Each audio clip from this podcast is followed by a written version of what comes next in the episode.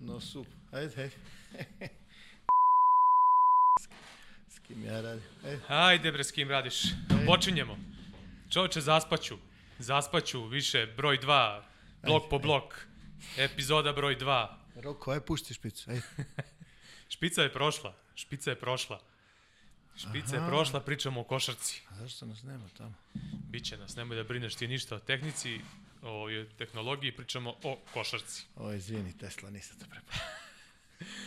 Kaži mi, ovaj, jesi spreman? Naravno, ajmo da krenemo. Šta ćemo da pričamo danas? Čega ćemo sve da se dotaknemo pored sve prisutnog NBA i play-offa? Da. Pa idemo malo da vozimo. Ko prošli put idemo nešto? Idemo malo ABA, malo igrač. Da upoznamo ovaj, ljude sa, sa ovaj, nekim igračem za koga mislimo da je važan u ovom prelaznom roku. Tako je, prošle nedelje smo Korija Voldona predstavili, Da, ove pojačanje godine- zvezde, Ovo, ovoga puta, Ovog puta neka drugu. da, Corey ovo- Miller McIntyre iz, iz Partizana, ti pokvarim iznenađenje. Pa divan si, Đuro. Strašno. Ali ovaj, generalno, to onda ćemo da krenemo malo na... Ti ćeš da pričaš o ovom tvom ovaj, draftu, ti voliš to. I onda u play-off i to je to, nema šta. Znaš. Onako, imamo neke... Pričali smo neki drugi del, to ćemo da kup, ovaj, malo da sačuvamo kad, se smanji broj utakmica. Tako je. kako play-off bude odmica. Da, i pričat ćemo kako bude uh, odmicala, ovaj, odnosno kako se bude približavala, nadamo se, Euroliga.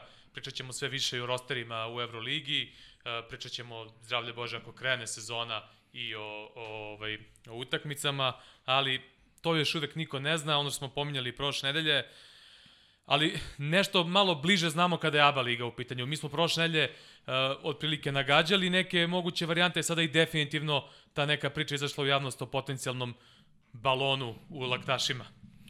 Pa da, imaju te... Uh, izašla je neka vest, tako? Pa da. Videli smo svi vezano za, za to, vezano za ovaj...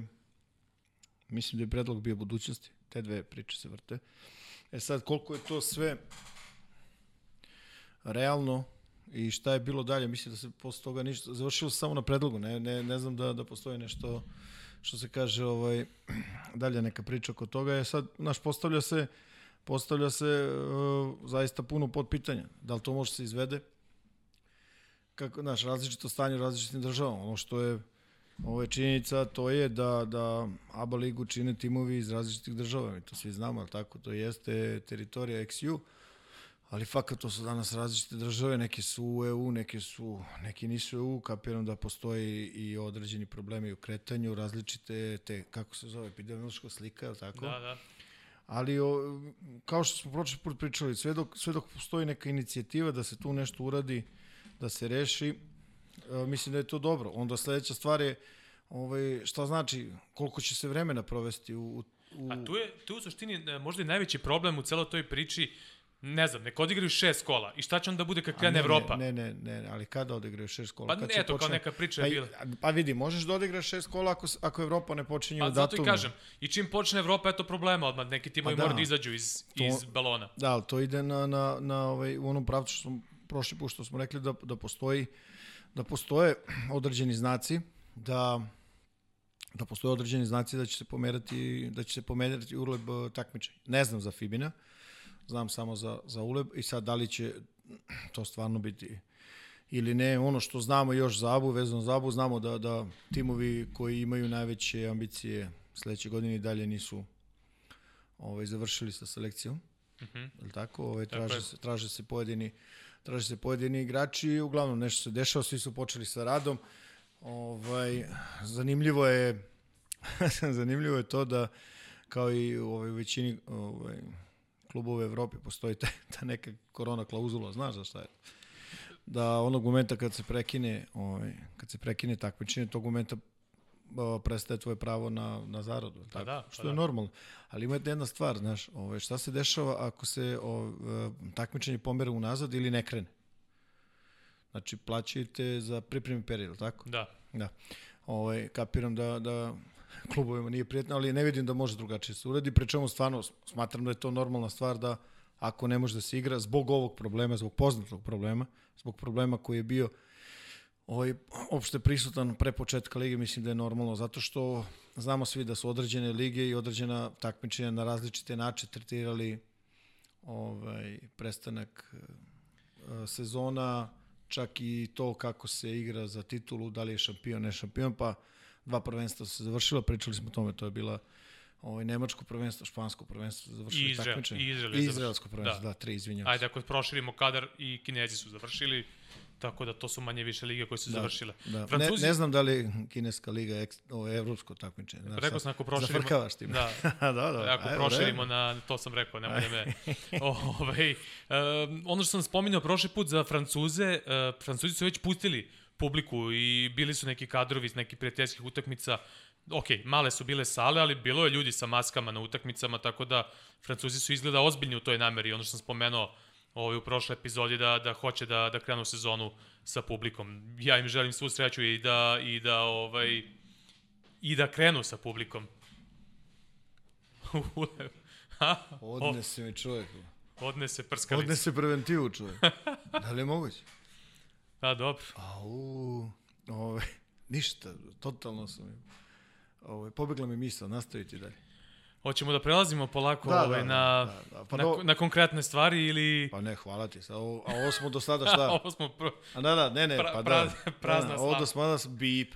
Da. Ovaj, pa prošli put smo pričali o Voldenu i složili smo se oko toga da je to ovaj, verovatno, ajde kako kažem, zvezda ovaj, prelaznog roka, samim tim što je interesantna stvar, prešao je iz ovaj, ovaj, Partizana u zvezdu.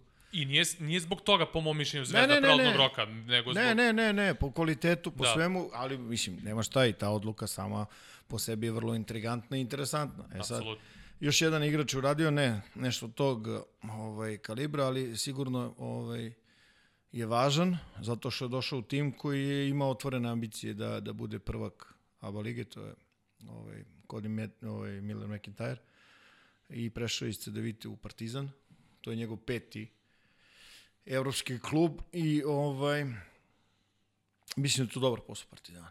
Kao što sam rekao da i da je Volden dobar posao za Zvezdu, mislim da je Partizan uradio dobar posao. I A- odmah jednu stvar, znam, sad će me pitaš da li da, ih poredim. Ne, ne, ne, htio sam da kažem da ne želimo da ih poredimo. Ne, baš smo pričali pre ovoga, ovo što ne zanima, živi, ovo, verovatno će ih svi zaista i, ovaj, upoređivati. To, to je neka neminovnost uvek bila, kao ode, ne znam, ne. Mekeleb iz Partizana, svi očekuju da dođe novi Mekeleb, ali nije da. lako naći, posebno ne danas, Pa nema, igrače sličnih profila. Pa vidi, nema potrebe da tražiš sad tu. Naravno. Ovaj. Ali generalno uh, sigurno je da postoji da, da, da postoji ta neka želja da se uporede. Prosto to su one ovaj normalne priče zaljubljenika u sport. Znači, nije to ništa ovaj, e, ni novo, niti je strano. Sad, da li će ovoj dvojici da pomogne, pošto vremenom će to sigurno krenuti kroz medije i tako dalje, tako dalje.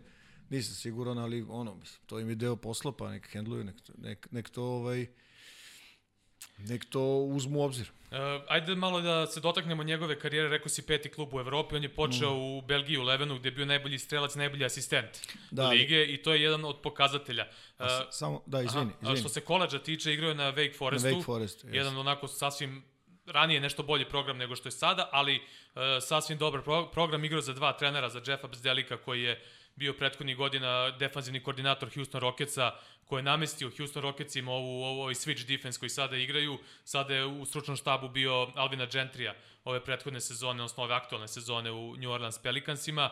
Uh, drugi trener koji je bio na Wake Forestu je Danny Manning. Uh, je, ono, i legenda college košarke da. i dobar NBA igrač koga su malo povrede duše usporile. On, ono što je recimo, a kad već pričamo o njegove college karijeri, ono što je vrlo važno je da, da, da, ovaj, da ljudi koji budu gledali ovo znaju, verovatno znaju, možda neki ne znaju, pa da ih eto malo, ovaj, da ih upoznamo i sa time.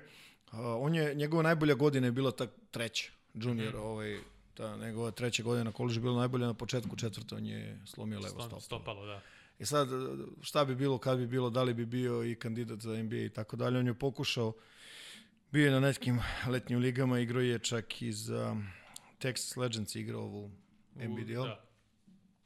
O, ovaj, inače, slično ko za Voldena i njega sam hteo da dovedem, pa nisam uspeo, sam bio u budućnosti, ovaj, A, prosto nije, nije u tom momentu želeo da napusti, ovaj, nije u tom momentu, u momentu kad smo ga mi tražili, nije, nije napuštao ovaj, Ameriku, posle otišao za, Parma. ovaj, za Zenit. Ne, ne, to je bilo posle Parma. A, Posle Parma. Posle Parme se vratio iz Amerike Aha, i onda, da, da, da. e, i ovaj i kako bih ti rekao, tu je u Parmi je bio onako apsolutno lider. jest, apsolutno i stvarno igrao dobro. I ovaj u Zenitu onako ima i gore i dole što se kaže. A Cedevita e, pa vidi on je igrao koliko je igrao 36 utakmica, mislim i dominantan ono ovaj na svojoj poziciji 30 minuta u proseku i tako dalje. Sad je tu naš ovaj e, u isto vreme on- je malo drugačiji uh, tip igrača u odnosu na, na recimo ovaj Voldena, a, okrenut je malo više nekom ovaj vođenju tima. Da, Znaš. čistiji je playmaker Jeste, zapravo. Ono smo da pričali za koristimo- Voldena, jeste. da, da. Vidi, Volden je ono što naš voli da se kaže kombo ili Kombo, tako da. dalje. Ovaj, pri čemu potpuno jasno može da igra i odbrani i napad i na poziciji 1, na poziciji 2. Ovaj, kod je nešto bliže onome što zovemo kao eto, ovaj, organizator igre ili playmaker ili point guard kako god hoćeš. I ovaj, ono što je bitno, opet vrlo slično. Znaš, ne može se reći da je šut njegova osnovna karakteristika. U stvari možda mu je to i neka nazovi najveći mana. To je, to je uh, izvanredan atleta, to je agresivan, agresiv, agresivna njegova priroda, igra za druge. Znaš, opet još jedan igrač koji je onak vrlo, vrlo, ovaj, vrlo opasan za svakog protivnika u otvorenom terenu. Tako je. Znači on prosto povuče i, i ekipu ovaj, da trče i zaista vodi računa o svojim saigračima. Vidjet ćemo posle kada Roko bude pustio ovaj, kada Roko bude pustio ovaj, ovaj, video te, te neke situacije iz, iz sezone iza nas i ovaj, um, generalno stvarno mislim da može da, da pomogne ovaj, Partizanu, naročito ako sam dobro razumeo uh, izjave ovaj, trenera da, da će se zadržati sistem koji su imali prošle godine, da će se nastaviti ovaj sistem kojim su igrali prošle godine, znači podrazumeva se ta igra sa dva ovaj ball handlera, što mislim da da će Ponekad i više. Znao je Partizan prošle godine sa trojicom da igra. Pa dobro, naravno, ali pričam formacijski. Da, da. E sad ovaj naš ove godine malo malo se tu neke stvari se neke stvari se promenile, no kažem, ja stvarno stvarno mislim da je to dobar posao Da, Partizan. Ima neke one odlike onih old school playmakera, zna da podeli iz prodora neke one pasove pod nekim čudnim Ne, vidjet ću, vidjet ću, mislim, mi smo gledali to, I to pokazat ima, on je čak imao uh, i u Zenitu, taj neki period je, uh, negde on se prilagođavao, u nekim ekipama je donosio i poene i asistencije, u nekima uh, je bio ono glavni skorer, što se kaže, a u Zenitu je čak znao da se prilagodi u smislu da da čak ne, ne traži uvek koš da više razigrava ekipu, tako da Pa on je recimo u CDVD trošio negde po 12 lopti, što, Da. što je dosta, dosta ovaj, onako jedna značajna brojka, oko 12 šuteva uzimao i plus ta njegova brojka koja je asistencija i koja ide negde recimo oko petu. E, Eurocup je bio jako dobar, ne znam, imao je nešto bolji taj košgeterski učinak i pet asistencija i tako dalje. Generalno, o, on hoće da doda i vidi. i vidi. To je. A to što vidi, on hoće da doda. Da. Tako da je to, pravo ti kažem, to će bude ovo je stvarno ovaj, za spoljne igrače Partizana, vošte za igrače koji budu igrali lice prema košu, ajde tako da, da, da ne isključujem ovaj, igrače na poziciji 4, jel? Ovaj, mislim da, da će to biti dobra stvar. Jak uh, gornji deo tela, Pa ja apsorbuje veli- kontakte pa ve- na prodoru, vrlo vidi, prodoran. On, on je veliki, on je veliki i ovaj i snažan. Prodoran je a, opet a, ćemo gledati igrača koji prodire pod oštrim uglovima, mm -hmm. koji ima različite različite završetke, ovaj može da što se kaže, ovaj može i za dva, može i za tri. ali ali zaista ovaj neće preskočiti neće preskočiti otvorenog E, igrača. tu, tu je i crossover, kad sam pomenuo ko su mu bili treneri, sve te godine mu je pomoćnik bio Randolph Chil- Childress. Ovaj, sećamo se njega, ono, Wake Forest tamo, koja je 95. ono, kad su ACC uzeli protiv North Carolina sa Stehausom, Rashidom i ovima, pa onaj čuveni crossover kad je bacio koga beše Jeffa McKinnisa, ja mislim, onaj crossover i kada mu je pokazao kao ustani i pogodio mu trojku i kasnije dao koš za pobedu. Tako da možda i, i Cody Miller, McIntyre proda neki crossover ove godine. A ima, a ima ga. Ja sam, ja sam trenirao jednog playmakera sa Wichita, ovaj, sa Wichita State. Sa Wichita State ili s Wake Foresta? Sa, a da, ti priča Wake Da, o izvim, Wake Forest. prebacio sam. Da. Pomislio sam, sad kad si rekao to ustani gore, setio sam se Amsteda i onoga Ja, što je radio da. Krki, bože, sač. Lapsus, izvinjavam se. Što, volao i onda? A da, šta ti?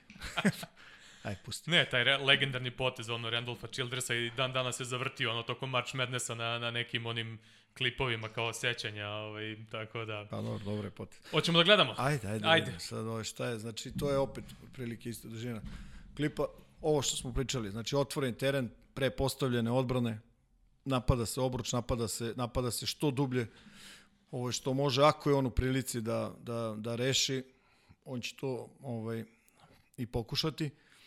Ovaj, ono što je o, vrlo važno, o, ako bude imao igrača ispred sebe u ovoj poziciji, to je naročito za, za visoke igrače Partizana važno. Ako budu trčali, verujem mi da mislim da će dobijeti loptu. I ako su dobri, ako su ako, ako budu zauzimali dobre pozicije, neće on ovaj on neće ih priskakati. E sad počinje taj deo što eto, obratite pažnju. Znači to je ono zabodem, dodam i sad Znaš kako to, kad gledaš ovako, kažeš... Delo pomisli- jednostavno. Pa vrlo je Da, jednostavno. ne radi ništa specijalno, a u stvari... E, pa nek radi ovo, ne mora da radi ne, specijalno. Da, pa naravno, naravno. Ovo su bitne stvari. Vidi, posle, vidi ovo, znači prvo je našao Boutreta, pa ništa, pa je sad vidio Stipanovića. Znači ono, on to vidi i kažem, zato što vidi, hoće da doda. A hoće da dodaje, pa zato i vidi.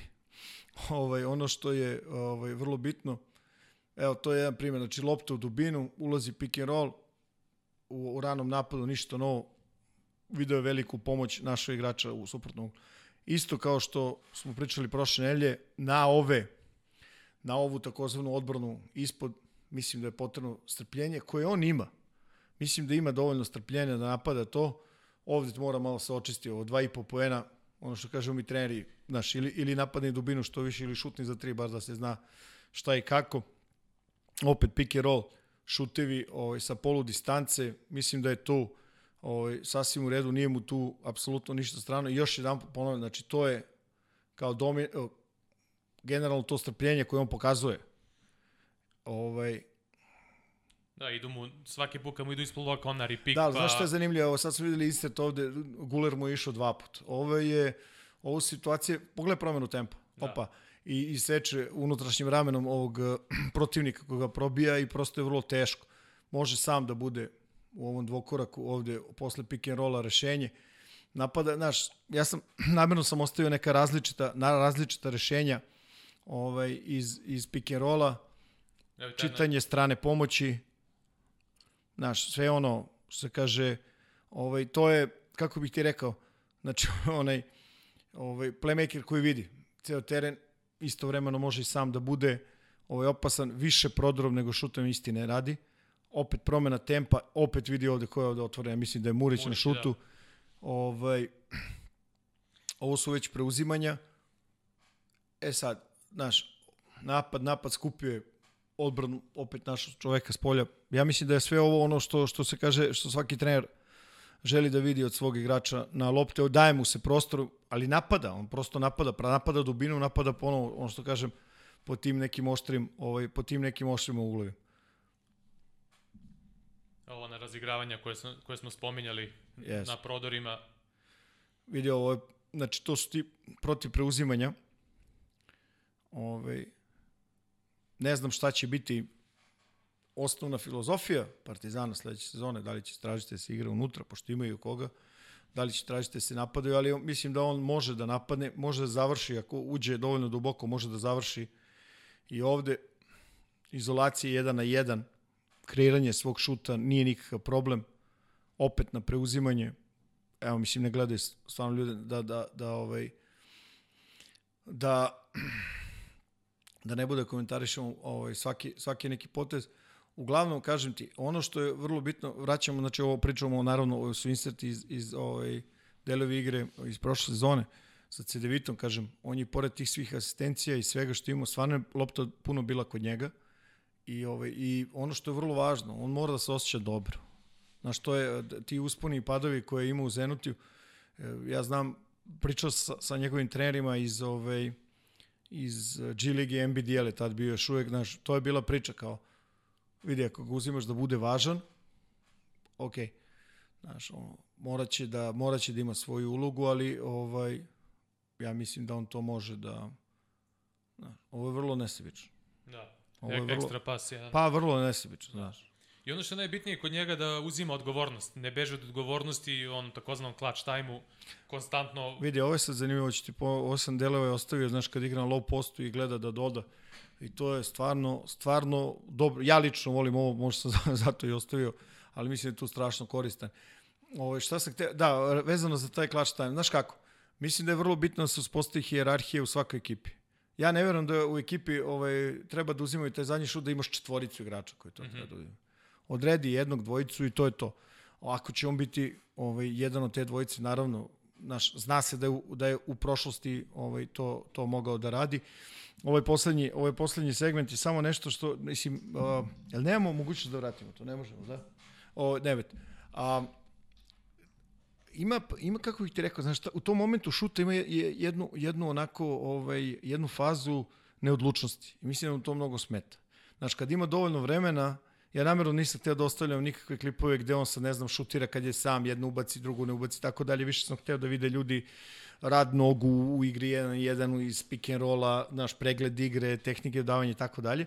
Ali ovaj, generalno, ono što vezano, vezano za, za, za taj šut, ne bi se iznenadio tokom sezone ovaj, da, da, da, da se to, pop, kako bih ti rekao, da uđe u neku sigurnost i da procenti ovaj, budu bolji. Jer on prošle godine, ne znam, recimo da ima oko 30%, Tako nešto, da. ovaj, što je okej, jel? Ne možeš da kažeš da je, da je loše, ne možeš da kažeš ni da je izvanredno, ali primarno njegova uloga je njegova uloga je da igra ovaj, sa loptom. Ono što je dobro u Partizanu, ostala tri igrača koje su na pozicijama 1 i 2 mogu da igraju na dvojici. da. Tako da je, da ponovim, moj, moj, moj ovaj, neki utisak je da je to dobar odabir Partizana. Da, i Partizan ima sa dva playmakera koji mogu da idu na niski post, da zidaju i Gordića i njega. Mislim, Gordić je često znao i prošle godine da se, da se spusti dole, da odigra, da napravi neki Da. višak, nešto. Da. I eto, to bi bilo otprilike to o, o Kodiju Mekin... O, hej, sledeći put ćemo da... da, da, C, CMM. da CMM. O, I to je, to je ono što smo hteli eto, da kažemo da ovaj, o njemu. Ovaj, došao je ovaj, u Partizan.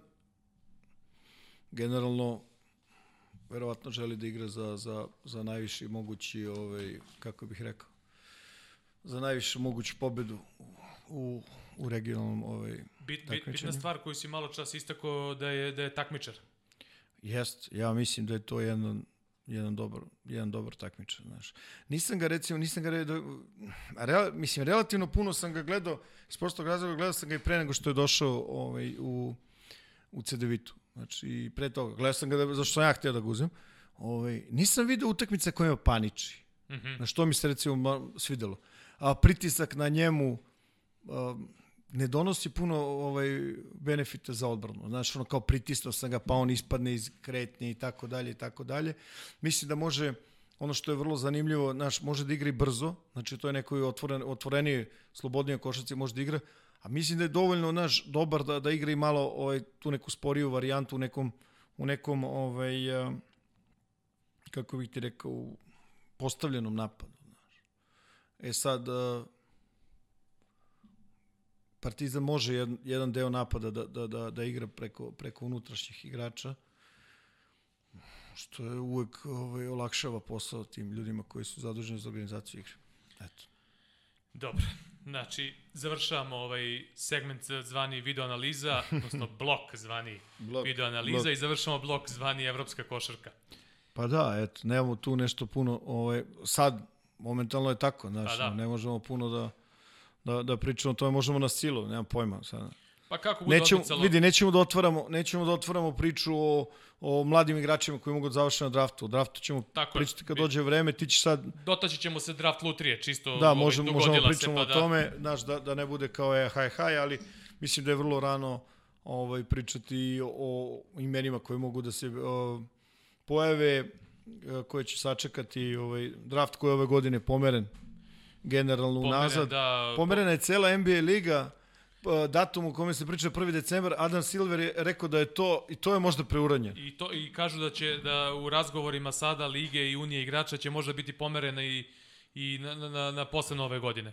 Čak može čak i evo po, neke posljednje informacije su i za draft koji kao treba 19. oktobra da bude, Da. da će i to možda da se pomera. Tako da ovaj ve, veliko je pitanje i za sve te datume kada je, kada je NBA u pitanju što pravi Ajde, tamo to nam je dobar prelaz na, na, na priču o draftu. Ma. A, pravi, pravi dosta ovaj, nekog ludila a, koje je već i tekako prisutno kada je sam draft u pitanju, jer prvo a, timovi nisu imali prilike. Za, za početak da krenemo, timovi nisu imali March Madness, odnosno igrači nisu imali sa koleđa March Madness, gde često igračima skoče ili opadnu ne brojke, nego neke one akcije što se kažu na draftu, ovaj, i to može da bude problematično. Druga stvar, timovi nemaju vreme, nisu imali vremena, ni, ni će imati workoute, individualne workoute sa igračima, pravili su intervjue putem e, Zuma i tako dalje i tako dalje. Dakle, to je ozbiljan problem za igrače koji, odnosno za klubove koji će da draftuju igrače, a nisu imali prilike da organizuju te neke individualne treninge sa njima. Pa težište je prešlo, Srđo, ovaj, malo više na sve, na, na analize svega, sve ono što možeš da uradiš bez terena. Prosto, svi su primorani. Znaš, ja sam pričao sa, sa stvarno dosta ovih ljudi koji, koji se bavi tom, tim tipom posla, koji rade za NBA organizacije, kaže, popada smo čoveče. Pa da, Pa kaže, svaki dan to su sastanci, to su analize, analize, udri, drži, ne da. testovi, Ma ne, ja kažem, čekaj, stani mama, kaže, popada smo čovječ, popada smo. I, I svi su podobijali sada da rade i ovi koji su, e, da kažemo, evropski skauti, dobili su posao da rade i koleč usled celog problema. Da, da, bit će više mišljenja. Kao. A, više očiju bolje vidi, jel? Pa da. Vanja, što se ja nešto lošije čujem, ali sve okej sa tonom? Dobro, da ne bude posle da, da smo pričali u prazno. Ja te molim da budeš precizniji. Da. Vanja je Roko. A Roko, dobro, izvinjam se. Ko je Roko, nek, nek utvrde. Ma bre. Ovaj, uh, Elem, uh, ono što je još problematika kada je draft u pitanju, uh, dosta nekih problema oko free agency-a, oko termina free agency, oko termina drafta i oko uh, salary cap-a. Uh, timovi neće imati mnogo informacija po tom pitanju i uh, ako se tu nešto ne bude promenilo, strategija oko, oko drafta, trejdova i čuda Da će te- biti problematična. A da te pitam nešto. Kad bi prevodio salary cap, šta bi rekao da je to? Uh, vidim da si alergičan na salary cap u posljednje vreme. Šta? bre? Vidi, ja ne znam da li sam dobro pročitao. Salary cap, Je uh, koliko? mislim da je 109. Ili 105, nije bitno, ne pojma. Mislim da je 109 Nije miliona. Koliko timova je ispod salary cap? Nijedan. Hvala. Ajde idemo dalje. Priča, pričamo o play-off timovima, Pa pa, ne. čak i ovi, da. Pa ne, nek uzmu, pa ne, onda ne kažu lepo ovako. Vidi, morate potrošiti toliko novca, gore nije bitno. A dobro, ne, poenta samo u onom uh, porezu na ekstra luksus. Svaki prebačeni Ali vidi, dolar plaćaš Pa da, ali, ali gubi pravilo samo po sebi, gr, Da. gubi, gubi neki smisao iz prostog razloga svih 30 timova i troši više para od toga. Da. Tu je čak i salary floor, onaj koji, Pa ima svega, mislim, Da. ti znaš da ovi što... koji, oni, koji nije toliko po... oni su izmislili nauku Capology i stvarno, Da. znaš, ove, plaćaju, plaćaju ljude koji, koji se, kako bi ti rekao, razumeju to. Znaš, znaju cene, znaju rupe, znaju zakone, znaju te, te kako se kaže, presedane i, i onda ili, ili ne znam, ovaj, načine da načine da, da, da, da, da nađeš neke nazovi rupe ili ne znam šta već. Ono. Ali dobro, eto. To je sve deo NBA, razumeš? To je deo košarke koji mi je, eto, prosto u Evropi ne postoji, jel tako? Pa da, pa da. eto. Da, čisto kad sam već po, Salary cap-a nema u Euro- Euroleague, samo da pričamo o ljudima, sad da li, da li bi trebalo da ga bude, znaš, jer stalno je bila ta priča konkretno o timovima sa, iz naših XU, što se kaže, znaš, ti ne možeš da napraviš konkurentan tim sa timovima, da ne sad ne pričamo o ciframa ovaj, po Evropi. Da. E, Što se salary flora tiče, dakle, to je minimum koji tim tre, e, mora da, da investira sve što je sve što ostane, odnosno ta razlika između Da, flora plaća i se kepa, drugim timovima. ne, ne, nego se podeli među igračima koji imaš već. Znači, tebi se praktično više isplati da te, te, te pare koje su ti ostale, da Jesi tako kažem... siguran da, da, da, da ide da. da, timovima iz, tima, iz tvog tima? Da, da, da, da, igračima iz tvog tima, da. Ako se ne varam tako i Ja ti se više nešto- isplati da potpišeš još jednog igrača ili da. Da. daš nekom igraču veći ugovor, nego da ti ta rupa ostane da, da, da je trošiš, odnosno da deliš na ostale igrače te, tu Ne. razliku. Ja, ja sam imao neku drugu Da. informaciju, ne bi. Da. E, Ovaj, e, generalno, kažem ti, taj draft takav kakav je, ovaj, izvučeni su ti brojevi, Hoćeš da iščitaš to? Da, Minnesota bira prva, Warriors je drugi, Hornets je treći, Bulls je četvrti, Cleveland peti, Atlanta Hawksi biraju uh, šesti, Pistonsi su sedmi, Knicksi osmi, Bullsi su inače četvrti, konačno su skinuli Maler sa onog sedmog mesta koji im uvek zapadne. Mm -hmm. Wizardsi deveti, Sunsi deseti, Spursi jedanesti. Pričat ćemo u narednim epizodama da, da, o San Antoniju. Nisi mi dao da pričam u ovoj epizodi. Nije ti nisam dao, polako. Ali ima vremena, e, dakle... Nisam. E, samo ću te pitati gde si bio, se sećaš gde si bio poslednji put kad Spursi nisu igrali fine, ovaj uh, playoff? Ne znam koliko godina je bilo. 97. Pa gde sam bio, znam gde, znam gde sam bio, e. A, a ESPN je bio napravio neku zanimljivu, zanimljiv prilog, ono, Jordan je tada sa Bullsima osvojio onu petu titulu, uh, Iverson je bio ruki, uh, Vince Carter, koga e, imamo ovde dres, ja, da. ovaj koji je bio poslednji igrač iz 90-ih do nedavno koji je igrao u ligi. Ja sam bio trener u... On je bio sophomore tada na North Video, Carolina. Ja sam bio trener u Beovuku i bili smo na turneju u Americi. Eto. Bili smo na turneju u, u ovaj, Midwest ovaj, Amerika. Ja sam bio srednjoškolac. Ti si junior, bojan Bio sam srednja škola. Dok, dakle, šta smo rekli, Wizards 9, Suns 10, Spurs 11, Kings 12, Pelicans 13, Celtics što imaju onaj uh, preko Grizzliesa, onaj pik što su ih sada namerno gazili i dobijali ovaj, Znaš šta je sad zanimljivo? Magic 15 i tako dalje i tako dalje. Znaš šta je zanimljivo? Recimo, prošle godine mislim da je bilo prilično jasno. Da ne idemo da. više unazad, ono, ove, ove godine mislim da nema favorita. Ne. Ovo je onaj draft i ja i s kim god da sam pričao od ovih ljudi iz, iz front office i kažem ovo da moliš Boga da dobiješ između četvrtog i osmog pika pa ne, prva tri. Da, da pustiš ove što se pamti kad pogreše, znaš. Da.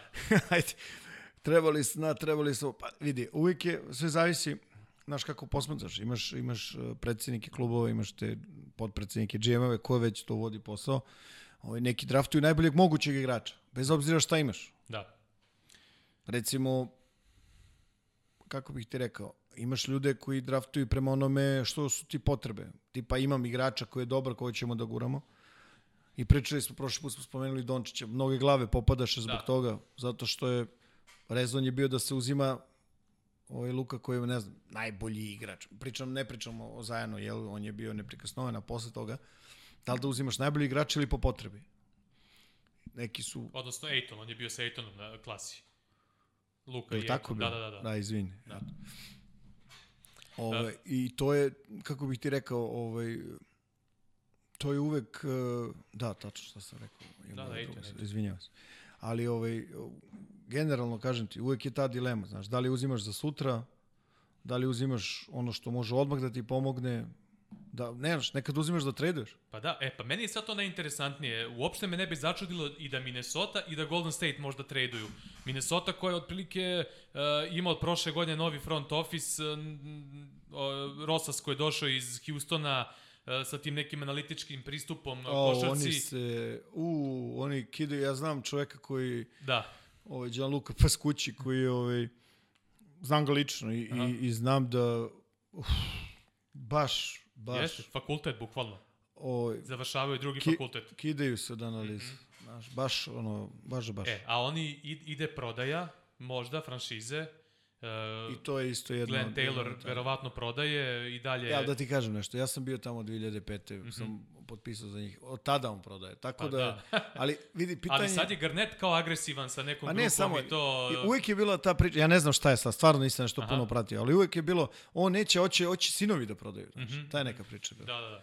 Ali, ovaj, Da, moguće da se promeni vlasnik. Pa da, i, i kad se to uzme u obzir, opet nejasno šta, šta ovaj, Minnesota da radi na ovom, na, na ovom draftu, da li će da, da biraju nekoga, da li će da, da traduju, isto i za, sa Warriorsima. Warriorsi koji imaju ono neverovatan nukleus tima koji im se vraća nakon povreda, uh, šta njima treba u celoj toj priči? Da li, će, da li će da menju za nekog nižeg pika da napadaju, na primjer, Burtona, koji se pominjao kao neki igrač koji je njima ovako interesantan, uh, da se dakle spuste na draftu, da li će možda da uključe Viginsa u neki potencijalni trade kasnije, da daju za, nek, za nekog još iskusnijeg igrača, da li će da jure nekog centra, ono tipa da li Weizmana, da li, šta ti ja znam tu, ne znam, meni je jedan od najinteresantnijih igrača ovo Nijeka Okongwu, koji je ono, možda novi Bema Debajo, ovaj koji je vrlo interesantan, ono taj neki undersize petica koja može sve da radi.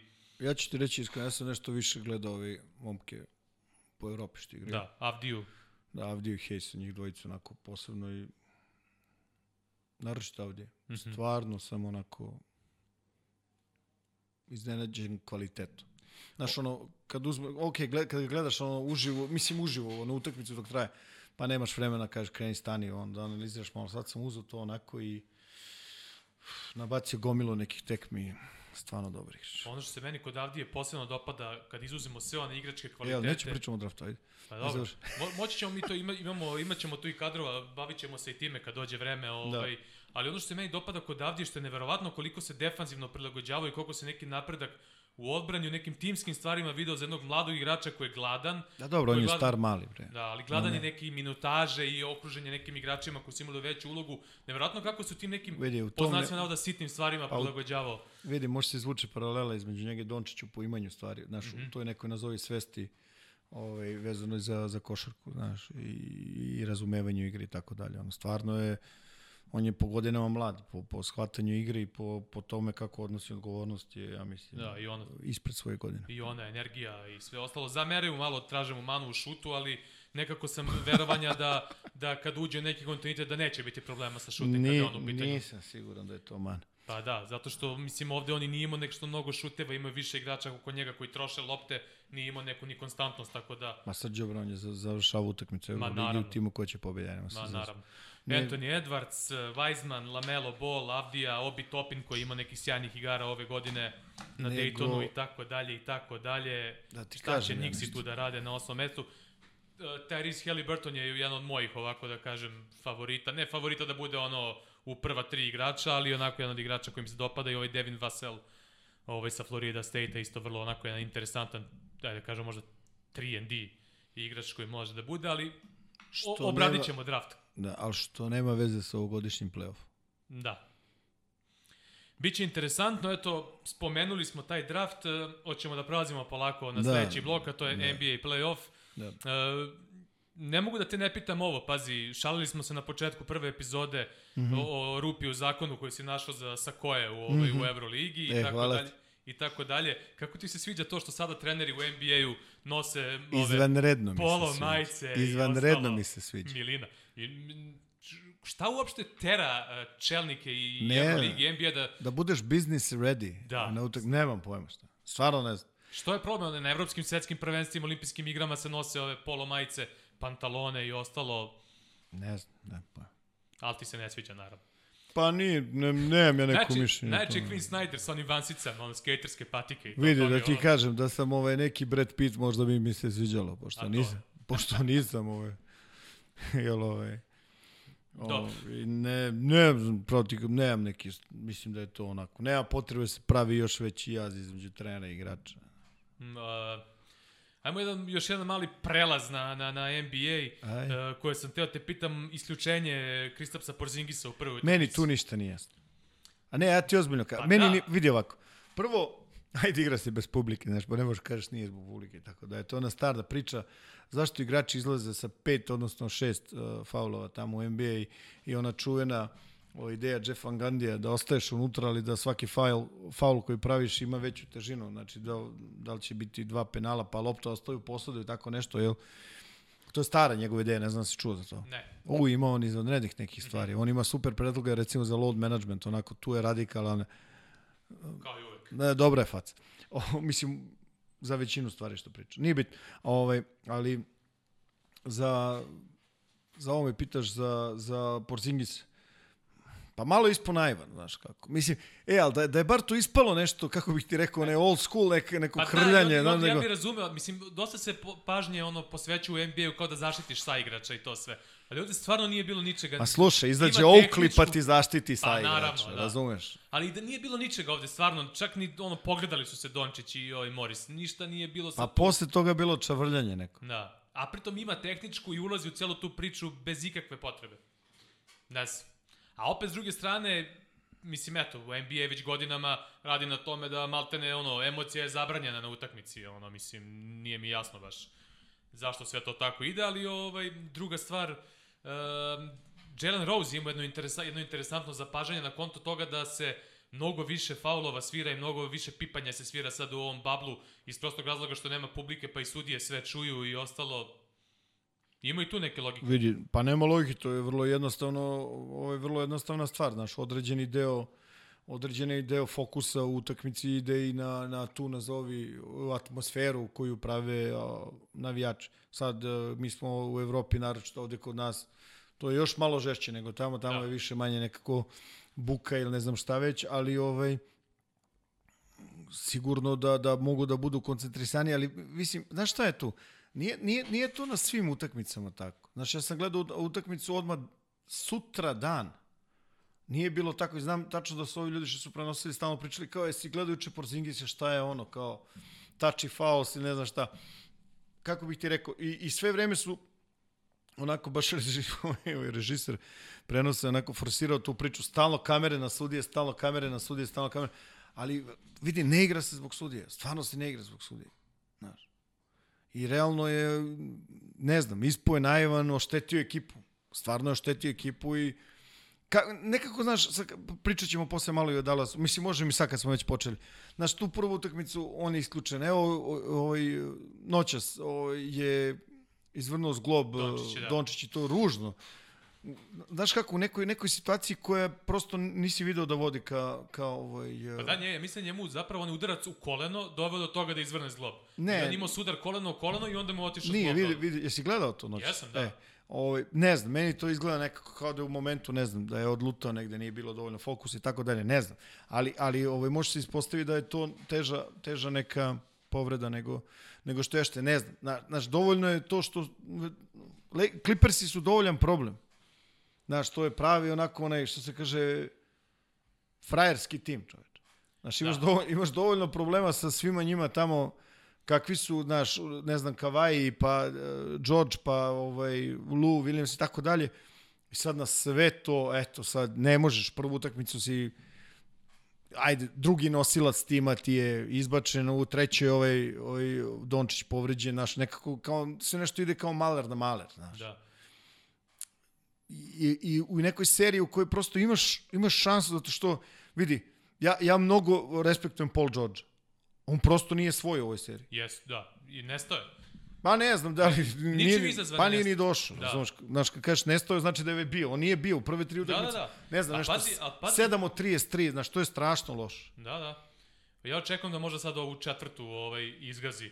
Ali interesantno je to, George 2014. nije dobio playoff seriju, uh, šutirao je u četvrtim četvrtinama u clutch time-u 28,6% iz igre, u tom nekom razdoblju, ono, ba, značajno do... bolje je šutirao ali vidi, protiv Utah 2018, sad, ovde možda... ono, protiv Clevelanda 2017, e, dakle... Sve u redu, sađu, ali sad ovde možda, znaš, imaš Kavaja koji je dominantan, da. frajer je, menja težište, gde, gde se pojavi on menja težište. Kako bih ti rekao, znaš, on i Lebron i ne znam da li ima još neki igrač u ligi da kažeš da automatski ovaj, sa njihovim potpisom ovaj, prosto se promeni, promeni se on specifična težina ekipe. On je to doneo u Clippers-e, primilo se u ovaj ostatak ekipe, znaš, oni su Ja mislim da su iskusni, je li tako? Kako ne? Oni Imaju... smo pričali, oni igraju play-off košarku cele sezone. Znaš, oni recimo gledaš ih, oni uzmu i, i ovaj i Leonard veliki broj izolacije na low postu, pa na sve to, pa pick and roll, pa ti teraju da preuzmeš, ne može, on je ono noć da mora za svaki mismeč. On je prosto brz, veliki, snažan, hoće da pobedi, znaš, ne znam kako bih ti rekao, ono, igra dobro. Znaš. Da, pričali on... smo ono, dva, dva vrhunska ono, tuve igrača, uh, tri igrača koje mogu izolacijama da te unište, Uh, dodamo Lua Williamsa na, da. na, na te. Recimo Imaju da... sjajnu klupu, da. Uh, iskusni su, fajteri su, uh, ne umiru u lepoti, bespotrebno. Pa ne, oni... Imaju iskusnog trenera kažem, i mogu da te, mislim, mogu da uđu oni izgledaju, neki meni, mentalni fajt sa tobom, ono ko što se dešava sada. Meni izgledaju, kad izađu na teren, da oni znaju što hoće. Da. Posle ćemo pričamo o Denveru. Znaš, recimo suprotno od Denvera. Mhm. Mm A recimo, šta sam teo ti kažem, Dallas je dobio u drugu utakmicu, znaš. Ali stvarno to je ekstremna, ono, bila predstava i, i ovaj, te druge grupe Dallas, ili druga petorka, kako ko zove, nije bitno. Znači, 47 pojena, da što je puno. Ali, znaš, sad, naročito zbog ove povrede, možda, možda je ova serija već kako bih rekao, otišao, otišao u pravcu Clippersa, što nije nikako iznenađenje. kad smo pričali o tome ko je tu, ako neko mora bude favorit, Clippersi su Clippersi, bili, da. Clippersi su bili nešto, nešto veći favorit o tome. E sad tu ima još jedna stvar o kojoj ćemo ovaj, pričati u jednom od ovih sledećih naših ovaj, podcasta, a to je pričat ćemo o tim visokim igračima i sad da li stvarno je hendikep imati nekog Bobija Marjanovića, samo njega koristim kao ime, eh, da svi znaju, ovaj, na, naši gledalci znaju ko je Bobija Marjanović, Znaš, da li je to hendikep, da li su stvarno ovaj, ti visoki igrači dinosaurusi, kao što se i ovaj, stalno, kako bih rekao, ima neku uobičajeno mišljenje je to baš tako. Znaš, e, i, i da, li, da li možda im se nađe mesto u ovoj današnjoj košarci? Ali dobro, kažem, pričat ćemo o tome kad se ono smanji broj utakmica u play-offu, ovaj, mogli bi da pričamo o tome. Ako hoćeš sada, da, da, hoćeš... Ajde da samo... Houston, Oklahoma, da, mislim, ja bih završio s Denverom, Ajde znaš. samo da, da, da, završit ćemo s Denverom na kraju, ali samo da, da dodam još vezano za, Ajde. za ovu seriju, kada smo spominjali uh, u najavi prošle nedelje, duel dvojice vrhunskih trenera, napomenuo bi samo za Dallas da je to tim koji opet, ne možeš da kažeš da ima neku... Uh, neku prejaku ekipu oko svoja dva nosioca, Ove, a s druge strane izvučen maksimum i... Samo ću ti reći nešto. Znaš šta je njihov najveći, onako, kako bih ti rekao, u ovom momentu, šta se najviše broji? To su godine njihovih nosilaca. Da. Ja recimo ne znam, ja verujem da je, vidi, o, Cuban ne bi u životu uradio ono što je uradio da nema neke, kako bih ti rekao, kvalitete, da nije na neki način poseban. Mm -hmm. Ja mislim da on kapira da je ovo i dalje jedan korak u onom takozvanom restrukturiranju tima, građenju tima. Da. I znaš, nisam ja siguran da oni imaju, da Carlisle i uopšte igrači, da tu postoji nekakav kao, kako bih ti rekao, nekakav a, pritisak tipa kao što Clippers imaju i ne kriju. Da. Znaš, ona čuvena izjava kao, e, vi hoćemo da pobedimo u seriju, osjećat ćemo se jako loše ako izgubimo. Sam sebi natovariš nekakav pritisak. Znaš, ali generalno, ja kad gledam Dallas, ja gledam, znaš, koliko će to tek da bude dobar tim. Jeste. Jer oni su, oni su našli svoju, ono što se kaže, 1-2 kombinaciju i sad idemo samo da napravimo kod tih ljudi. Tako je. Ovaj, I ono što je, što ono je što njima je problem možda taj to iskustvo, odnosno neiskustvo koje si spomenuo. Oni su ove godine po ofanzivnom rejtingu najbolji napad u istoriji NBA od kad se meri taj broj poena na 100 poseda, 115,9 im je ofanzivni rating, mm -hmm. a, a kada se dođe u clutch time, sa one, mislim, verujem da svi koji nas gledaju znaju šta je clutch time, ja sam to milion puta u prenosima pričao, poslednjih 5 minuta utakmice i produžetka gde je razlika pet i manje poena razlike. Takozvana dva poseda. Da, i ovaj, uh, njima učinak, odnosno ta ofanzivna efikasnost pada na 99,2 poena na 100 poseda u clutch time-u i ove godine imaju ove, u tim neizvjesnim završnicama 8-19 učinak, dakle imali su dosta problema da finiširaju neke utakmice i to ide u prilog toj tvoj tezi da kada se taj tim još okruži nekim iskusnim igračima u budućnosti, da tek preti velika opasnost od njih. Ej, samo, samo jedan sekund, zaboravit ću, mislim da nije, nije ispravno da spomenem ulogu Šemeta, koji uh, generalno menja Beverlija, koji je povređen mm -hmm. sa nekom uh, najavom da može da se vrati, koji ovaj, igra kao, kao startni playmaker mislim da radi dobar posao. Jeste okružen onako až dajama, da tako kažem, ali nekako je uradio naročito ovoj trećoj utakmici jednu, jednu, dobru, jednu dobru stvar. Vanja, šta se dešava s ovim mojim slušalicama? Nešto krči, nešto se dešava, bre, taman ishvali smo, e, sad je okej. Okay. Ne znam kome se Sad je okej. Okay. Ishvali smo, ishvali smo tamo naš studio na kraju univerzuma. Ovaj, Uh, dobro, tu seriju smo sada prošli. Houston, Oklahoma, to su tvoje omiljeni. Houston, e, moram ti priznati, Ajde. nisam nikad bio fan ove, ove, ove košake koji igra Houston. Ne da imam nešto, da mislim da je to loša košaka i šta ostalo, nego jednostavno ne volim Misliš to da gledam. gledam. da nije pobednička? Pa vidi, na kraju Moneyball ili Moriball kako je njihova verzija i u samom filmu i odnosno u toj istinitoj priči. I kad pogledamo sad malo više to nekako gledam i u drugim sportovima, evo recimo taj Brentford koji je igrao ove godine u Championshipu brutalno, Mitiland je u koji je njihov bratski klub uzeo dve titule recimo u tom nekom periodu kada ih isti vlasnik uzeo i kad su krenuli da primenjuju tu neku analitiku i tu matematiku u celoj toj priči, oni su uzeli dve titule, ali generalno većina timova kad god je došao na kraju nisu uspeli da prebace taj korak i da na neki najviši nivo, kao što je slučaj na kraju krajeva i u filmu, ovaj Moneyball. Međutim, što se tiče Houstona, ono što, što, što ću sada ti kažem, što mi se dopada kod njih, a što ranijih godina nije bila odlika tima, Ajde. a mislim da ih je zarazio Russell Westbrook, Uh, jesi video sad na ovoj prošloj utakmici koliko su oni, koja je to energija, koliko su skakali sa klupe? Jeste. Westbrook koji skače tamo, crta akcije, uh, Harden koji skače, a svih onih... Westbrook koji je povređen, majstor. Da. Oni, vidi, ok, nije problem, oni su favoriti, ja mislim, Da. da. u odnosu na Oklahoma, ali, znaš, 2-0 i način na koji igraju, pričali smo o tom njihovom sastavu koji je sada takav trenutan, to je onako pravi, što kažu, small ball, i, ovaj, ali ima, ima više energije i znaš šta, recimo, vidi, možemo pričamo što hoćeš, ostaviš je Oklahoma na 44% šuta u ovoj, E, to- ovoj utakmici. To je druga stvar, nego sam htio da završim ono ranije godine što je meni iritiralo kod njih, što su nekako delovali mrtvo na terenu, ono, kolutaju očima, ono, sve, Whatever. sve je kao okej, Whatever. lagano. E, sad se to promenilo. I samim tim su mi odmah malo simpatičniji. Znaš ko je važniji? I odbrana, odbrana, ovaj njihov switch defense, i to, znači, fenomenalno E, znaš ko je igrač mnogo važan, a, a ljudi ga preskaču u toj cijeloj priči, naročito u tom nekom fajterskom stilu, PJ Tucker. PJ Tucker, da. E. Ali Dan, Daniel House radi odličan posao. Ne, ne, ne, to je u redu, ja ti, ja ti pričam o, naš, o, o veteranu koji, koji kapira svoje ono mesto u timu i, i koji je spreman da uradi sve što je potrebno da, da, bi, da bi pobedio. Pa mislim, gledaj, sad u ovoj utakmici, ovoj posljednjoj, ja ne znam ako ne grešim, mislim, sedam igrača dvocifreno, znaš. Da, Nije, igrača. nije lako. I slušaj sad ovo, oni su, oni jesu postavili, uh, to je rekord novi NBA u šutovim trojkama, 56. 56 i 35 u prvom polovremenu. I, I slušaj, da, da. I slušaj, oni su bacili 19. E, pazi sad podatak. Harden 11-2, Gordon 10-0. Znači, to su dve, dva primarna šutera. Znači, zajedno koliko je to? 21-2. E, ali Harden je pogodio dve kad je trebalo, a Uncle Jeff je pogodio tri kad je trebalo i kad se lomilo. Vidi da ti kažem. To je trebalo, ne trebalo. Da. To je sad onako širok pojam i, i iziskuje malo više vremena, ali da. Mislim, generalno, generalno znaš, ko je gledao utakmicu ovaj video i oni su napravili dve velike serije. Znaš, u trećoj četvrtini imali su a, nešto recimo 7, 14-0 je bilo na 16, jedna. 16-2, 16-2 u jednom momentu, pa se vratila Oklahoma, međutim kad su u četvrtoj četvrtini napravili 17-0, to je bilo gotovo i prosto zaključali su utakmicu i završili i idu, idu dalje, čekaju Westbrooka koji će sigurno doneti još kvaliteta i još više energije i tako dalje i, i, i tako dalje, ali kažem, znaš, uh, za takav neki način igre, to je minimalan broj izgubljenih lopti, to je vrlo važno i ono što si rekao, zaista nešto više energije, odnosno više energije, izvinjavam se, više energije nego ranije, više energije nego ranije, držiš jedan tim koji je solidan napadački Oklahoma na 40 i nešto procenata šuta i to je okej.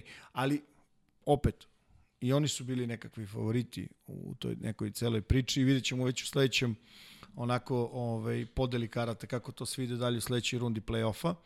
Uh, ne znam da li je gotovo, nije gotovo, ne bi se iznenadio da, da oni zaključuju tu Da. ovaj, uh, seriju Da, vidio, si- tako što njima odgovara. video si one neke crtice kada, kada je ta serija u pitanju, ono, Mike D'Antoni, onaj uh, inverted pick and roll, 5-1, Green sa 5, prenosi Harden mu postavlja blok, igri u 5-1 pick and roll i tako nešto, interesantne neke stvari. Pa dobro, ima to, mislim, Da. igraju, igraju drugim. ne, Čak i, o, o, vidi, znaš šta je nesmešnije? Oklahoma igra isto to isto. Da. igra to isto. Ima, ima toga.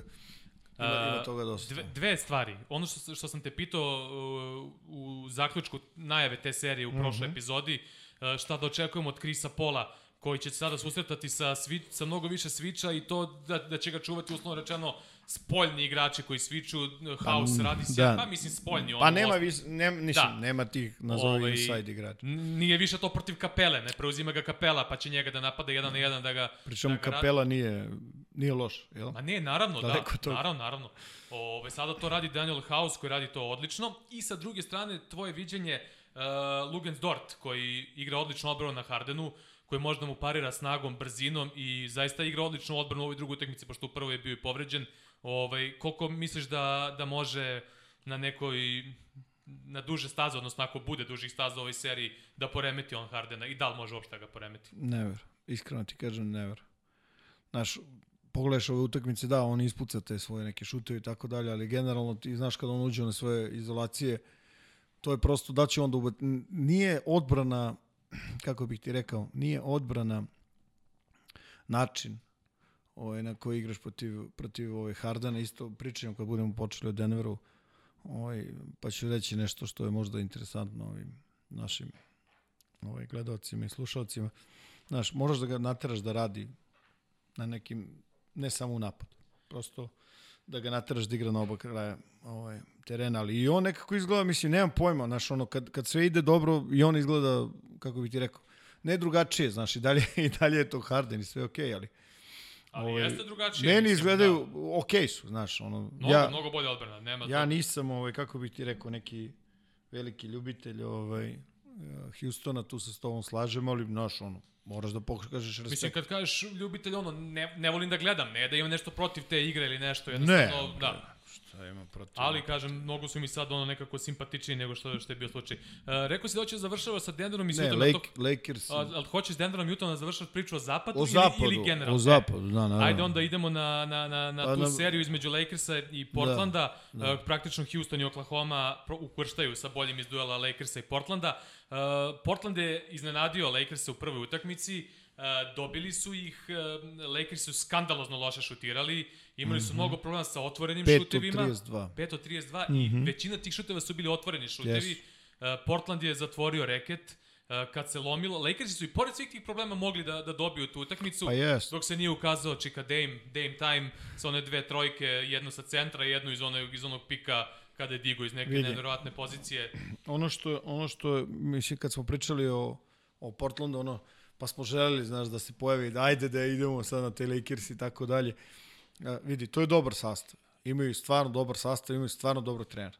I ono, različiti su, imaju ih, kako bih ti rekao, ovaj, ta, postoji jedna hijerarhija, znaš, odjedan put recimo Carmelo Anthony je taj koji doprinosi, znaš, ne mora da se ide kroz njega. Tačno se zna ko su dva šefa, šef su gospodin Lillard, gospodin McCall, ovi ostali svi, mi to pratimo i tako dalje, imaju size, imaju dovoljno eksplozije, mogu kontrolu reketa dobro da rade i tako dalje i tako dalje. I što se mene tiče, oni su tu gde su, pariraju Lakersima, pazi, Lakersi su favoriti ne samo za finale zapada, nego i da uđu do finala NBA i tako dalje i sad oni su trenutno jedan jedan jedan rezultat. Samo da kažem da da ovaj da da da ovaj pojasnimo to u ovo u momentu kad mi ovo snimamo sada, ovo, ovo su rezultati ovih utakmica koje, kako bih rekao, koje igraju. Znači, ovo su, noćas će se igrati neke tekme da. i pre utakmice, pre ove emisije koja bude išla na, na TV-u, ove već će biti drugačiji rezultati, ali u ovom momentu sad je 1-1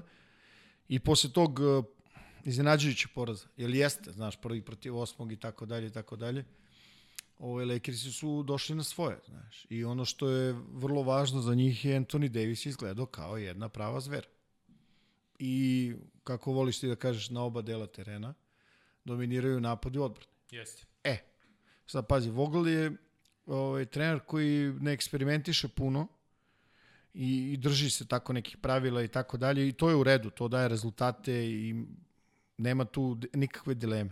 Ali najvažnija stvar u stvari i u ovoj seriji do kraja play-offa je gde je Anthony Davis uh, efikasniji on je tokom sezone 60% svojih minuta igra na 4. Ono, praktično o, o, odbija mogućnost da igra na 5. Da, znaš. I ove, međutim, tim je ekstremno efikasan sa njim kad je na 5. Tako je. Znaš, recimo on je na toj utakmici koji su dobili Blazers, on je 22 poena postigao na petici. Plus 15 su napravili u tom periodu. Znaš, i to je onako egzaktan pojem, znaš, nije to moje, moje, kako bih ti rekao, moje mišljenje, to je nešto što su činjenice. E sad, da li će to naterati Vogla da, da menja možda nešto, verovatno ne, on će se držati te startne petorke koje je ogromna, ono, Javal McGee, uh, Davis, uh, LeBron James, što je, kako bih ti rekao, okej, okay. nemam, nemam, nemam to, ali stvarno onako kako je igrao ovu drugu utakmicu, bio je bio je dominantan. Bio je dominantan u napadu. Prvu utakmicu nije igrao sjajno, stvarno nije igrao sjajno jedan je od onako, kako bih rekao, ne volim ja kažem ga naš krivac, ali um, realno fali je svom timu i Portland je pobedio. Ovu drugu se pojavio, LeBron je igrao ispod svog nekog nazovi nivoa, na koji smo se prosto navikli. Ona se navikao, znaš. I ovaj, međutim, odbrana, znaš, sveli su Portland na manje od jednog pojena po, ovaj, po posedu. Po posedu. 88 poena su primili. Da. E, dobro, do, do, ok, bila je velika razlika već kad je Lillard povredio prst. Ne, ne, uh, da. bukvalno 30 da, poena u tom u momentu, bukvalno 30. Vidjet ćemo kako će to utjece imati na ostatak serije kad znamo da je Colin sada izvanično završio sezonu, nažalost. Jeste, mislim da je operisan već. Da, da. Uh, McCallum igra povređen, vidjet ćemo kako će Lillard izgledati u nastavku serije. Ok, nije šuterska ruka, ali bez obzira. Ovaj, e, tako da biće to interesantno vidjeti koliko će moći ekipa Portlanda tu da parira i u mnogome zavisi od šuta za 3 pojena Lakersa. Mislim, svi smo znali pre početka sezone da je to njihov, ono, da kažemo, rak rana i koliko budu dobro šutirali, toliko će im biti lakše. Uh, eto, konkretno Danny Green koji ove sezone uh, je imao ono, ono logovanih 137 otvorenih šuteva, ono zna se to je neki koliko 2 metra između najbližeg defanzivca, kad nije odnosno kad je veće raz, razdalje na 2 metra i više, ovaj to smatra otvorenim šutem. 137 takvih šuteva, on je nekih 35% šuta na otvorenim šutevima, Danny Green, koji ovaj u prvoj utakmici takođe mnogo promašivao, ali polako su počeli ovoj drugoj, J.R. Smith je pogodio neke i tako dalje, tako dalje. Dakle, za Lakers će to biti vrlo bitno iz ugla ove serije, da, ne samo ove serije, nego play-offa, da, da nastave da pogađaju, da kažemo, u pristojnim procentima za, za tri poena. Pa im, vidi, on, znači oni u, svoj, u svom, u svom sastavu imaju dva igrača koji, kako bih rekao, instant pravi višak. To su Davis, ako ga koristiš na, na ispravan način, i o čemu smo pričali, da li, da li ga koristi na 5, da li ga koristi na 4, i Lebron koji može da igra, ne znam, od 1 do 8. Znaš, i ovi ljudi okolo prosto moraju da budu spremni da to kažnjavaju, svaku pomoć odbrana. Da. Znaš, od njih se ne traži da kreiraju. Znaš, kad, realno. Kad smo pomenuli Portland, bilo bi nepravda da ne spomenemo Gerija Trenta juniora, koji ono, baš prenosio sam taj draft kada je on biran i rekao, verovatno najbolji šuter u klasi i malo mu je trebalo vremena da se privikne, da dobije šansu kroz G ligu, tamo vamo, međutim sad već ove sezone igra značajno bolje, posebno u ovom bablu, pogodio on jednu vrlo bitnu trojku sa Carmelom u onoj prvoj utakmici koju su dobili. E sad ono što hoćete pitam, iz ugla trenera, mm -hmm. šta pokušavaš da uradiš protiv Damiena Lillarda koji ti šutira trojke s centra uh, iz pick and rolla, uh, ove sezone 55 od 134 šutira trojke sa 9 i više metara ove sezone Lillard. Dakle, 55 od 134 sa 9 i više metara, to je 41%. Šta radiš, kako pokušavaš to da braniš i šta se dešava sa dubinom i ostatkom odbrane ako si prinuđen da, da. da gore budeš, budeš agresivan? Šta e, puštaš u takvoj odbrani? Vidi, evo, sad kad si rekao, kad si izašao s tim brojevima, znaš, nema veze s Lillardom, naravno, ali ima veze sa, sa tim ovaj, range-om, odnosno udaljenosti s kojim se šutira. Ovaj, znaš brojke za, za Karija kada šutira sa distanci preko 10 metara? Šta? Koliko, koji je procenat trojki? Uh, Zadnju ne, sezonu kada je bio Zaboravio sam, imao sam Preko 50%. Da, da. To je strašno. To je strašno. Ja, ni, ja ne znam, kad sam naišao, to ja sam rekao, pa, čekaj, wow. To, to je bila čak i ona šala da su se ovaj, Zakarija šalije da čak i dete napravio sa, sa 9 metara razdaljine. na daljinski. Koliko, koliko je precizan, na da. daljinski. Ovaj, da. Čak pa, se i šalano zovu ga ono Stepville, ta, taj deo, kao ono... Cijela je, vidi, uh, pitao si me šta raditi. Znači, probaš da ga pokupiš, što se kaže, da ispostaviš koliko to da. kontrolu što ranije. I videli smo u drugoj utakmici su Lakersi bili yes. mnogo agresivniji to gore. Moraš, to moraš da radiš. Uh -huh. uh, odgovor bio je, Blazersa su bili ti takozvani vrlo visoki pick and roll. Uh -huh. E sad, znaš šta je problem? Problem je što Lillard nije, nije šuter, pa kao samo šuter, to je jedna dimenzija. On je, on je strelac, on je pravi skorer. Znači, uh, izvaditi, izvaditi centar gore visoko, da iskontrolišeš taj baš onako prvi ne znam što kažeš ti, ovaj, njemu je ono sa, sa 8 metara mu je zicer, malo te ne, u odnosu na to kako šutira, to ostavlja veliku rupu iza sebe. E sad, znaš šta je problem? Problem je što ovaj, uh, udaljavaš i svoje centre koje pff, trebaš da odrolaš i da, da ih dovedeš u, u, ovaj, u zonu gde su onda oni ovaj, efikasni, ne znam, Nurkić. Pa da, ti kad igraš na trojici, malo iznad trojke, mm -hmm. onda možeš i na agresivnu odbranu short rollom da reaguješ, ne, možeš... što Nurkić radi odlično, ali ovde on i da ide na neki, kao nazovi short rollom, treba mu da dosta stigne. prostora pa, da odrola, to, niti možeš da podeli pa neki pas. Pa to je to, ima, ima i plus i minus. Tako znaš. je. I ovaj, kako bi ti rekao, moraš da uspostaviš kontrolu njim, moraš probaš da ga ovaj, ako možeš ikako, da ga probaš da u što ranijoj fazi nekako se odvoje od lopte, da posle radi da bi je dobio nazad. Međutim, znaš, koncentracija kvaliteta u napadu Portlanda je takva da Znaš, kad nije kod njega, onda je McCollum, kad nije kod njega, onda je ne za Carmelo, onda je neko treći, tako da, znaš, imaju te ljude koji mogu da, mogu sebi da, mogu sebi da iskreiraju, ali vidi, za svaku, za svaku odbranu je problem ako je tri takozvane dimenzije napada, znači širina, dubina i treće naravno vreme. Ovaj, ako u toj širini napada imaš širinu koju ima Portland. Oni ne mogu da ostvaraju dubinu. Nemaju low post igru, relativno i taj prodori do kraja nisu, ne znam, nešto po čemu su super čuveni, niti imaju tu igru sa puno nekih utrčavanja i tako dalje, ali zato range je fenomenalan. I znaš, nije samo Lillard, McCallum isto ima vrlo, vrlo, vrlo respektabilan ovaj, range. Ono što usmerava takav način napada je da moraš da napadaš sa takozvanih opozicija koje su bliže kecu, centralnim bekovskim pozicijama, prosto sa strane ih nemaš dovoljno prostora za, za nešto tako. Ne znam da, da sam, da sam, možda da, da, nisam da. bio jasan, nema da. Da. Ali, mislim, težak posao, nema šta. E sad uvek možda razmišljaš, e, ajde sad ti uzmi, pa ti majstore daj koliko možeš, ovi ostali da ne daju. Ima i takvi razmišljanja. Sad, da li zaustavljati superstara, pa onda prebacivati težište igre u napadu na njegove saigrače, ali u, ovom, u njegovom slučaju saigrači su stvarno kvalitetni. Ili ovaj, pokušati da, da izoluješ njega od ostatka tima, pa eto. Dobro, ajmo na tvoju seriju omiljenu. E, pa između nije mu, Jute, valjda je naša omiljena. e, Bo... između Juta, tvoja je posebno A omiljena. tve, ovaj. tebi nije omiljena, evo? A, E, pa ti mu reci kad bude došao preko vidi, leta. ja sam, meni je omiljena serija, ono što smo pričali uh, između Majamija i, i, Indiana. i Indijane. Au. Ove, ne sad da se trudim da kao nešto budem na silu drugačiji, nego jednostavno volim da gledam Miami i respektujem ono što Indiana radi. E, malo sam razočaran kada je serija između Bostona i Filadelfije u pitanju, očekivao sam od te serije mnogo, a nešto mi... Pa nije, veća je razlika. Prosto, Da, ni- nije mi, ono, pa ne bi se iznadio, bude to 4-0 i Toronto, Pa da. Toronto da završi u četiri utakmice isto. Da. Ali ajde, ajmo ovaj, uh, Utah, Denver, obe ekipe, ono što smo i pričali u najavi, sa, de, sa problemima sa povredama, koje su i tekako uticali na jedne i na druge. Međutim, Utah sa, svojim, sa svojom odličnom igrom nalazi odlična rešenja, uh, odlično šutiraju za tri poena, vratio se i Conley sa Pa onim vidi. efektom Freda Van Vlita koji je prošle godine uh, kada je dobio sina odigrao neverovatan playoff u nastavku, s tim što je osnovna razlika što Van Vliet pre toga nije ništa igrao, a počeo da igra fenomenalno, a Conley je loše počeo celu ovu sezonu, pa je već pred onaj prekid bio dobar, a sada igra odlično u ovom bablu pre nego što je morao da napusti na trenutak, ali evo, odigrao sinoć brutalnu utakmicu 7 od 8 trojke, povezao ekipu. Kad smo, da, kad smo pričali, o, kad smo najavljivali seriju, jel? O, normalno konstatuješ ovima fali Bogdanović koji je vrlo važan igrač. Mm -hmm. Vrlo važan igrač. A s druge strane ovima fale dvojica.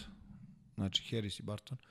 A, u tom momentu, znaš, još je trajala ta fascinacija Porterom, juniorom koji je ono, ovaj, kao zamenio na toj nekoj poziciji Bartona i tako dalje i tako dalje. Međutim, njegova odbrana je za sada Aj, pričat ćemo to. vi, više nego Aj, loša. pričat, nije na nivou Bartona. Da. Uglavnom, ovaj, ne znam da se... da, da, ne, ne, ne, moram da, da se iskontrolišem, pratim niz. Ove, I onda kad smo pričali o tome, naš prvu utakmicu dobio, je- dobio Denver. I odmah, najavljene, sve one stvari koje smo očekivali, naš, ono, ma, skraćuje se rotacija, nema ovog tvog uh, miljenika bol bola. Ti sve prebacio na moje miljenike. Pa šta ću, kažem, Rokov miljenik, znaš. A ne znam. je. A nemoj zafrkavati. I ovaj, ali, ali ovaj, skratila se malo rotacija i odmah se videlo, znaš, odmah se videlo na početku ove ideje i jednih i drugih.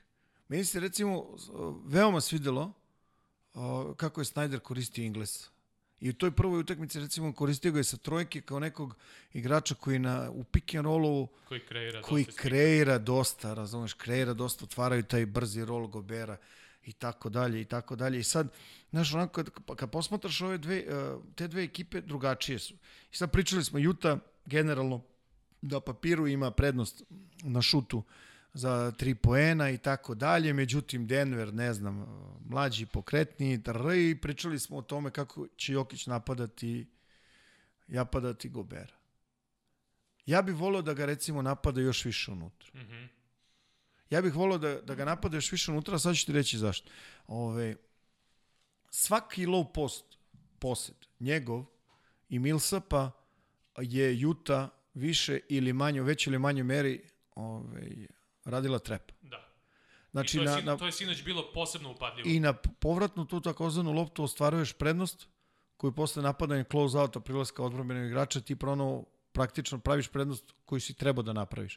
Znači nema potrebe da ne znam da se forsiraju šutevi Jokića ili Milse pa da ali nekako fali mi ta ideja da kažeš, e, ok, vidi, ovo je naša prednost i mi napadamo tu.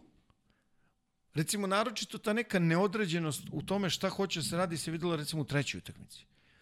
Šta je radio Snyder? Snyder je zašto se Conley vratio u petorku. Mm -hmm. Ingles je počeo na četiri. Na četiri, da. Millsap na četiri. Vidi, ne znam, ja sam možda, ja sigurno nisam na nivou ljudi iz Denverovog štaba, ali, znaš, recimo, voleo bih da sam video da 10 poseda za redom ide dole na Millsapa, da koji napada Inglesa i ajde vidimo šta se radi. Naročito kad je postalo vrlo očigledno, vrlo očigledno, kako je rešenje Juta odabralo u odbrani. A to je ovo što spomenuli, znači skupljanje jako skoro trap, znači na taj povratni pas moglo je da se igra. I sad vidi, sad, vidi, pogledaj situaciju, ako igraš sa Millsapom dole na leđa, a imaš centra koji može da raširi, kao što je Jokić, ti stavljaš Gobera praktično u najveći problem koji može da ima. On po prirodi voli da zaštiti reket. Tako je. On je daleko od obruča u toj opciji. V, daleko I na od... perimetru je. Tako je, ali nije čak ni to problem. On je igrač koji će raditi close out na Jokića. Mm. -hmm.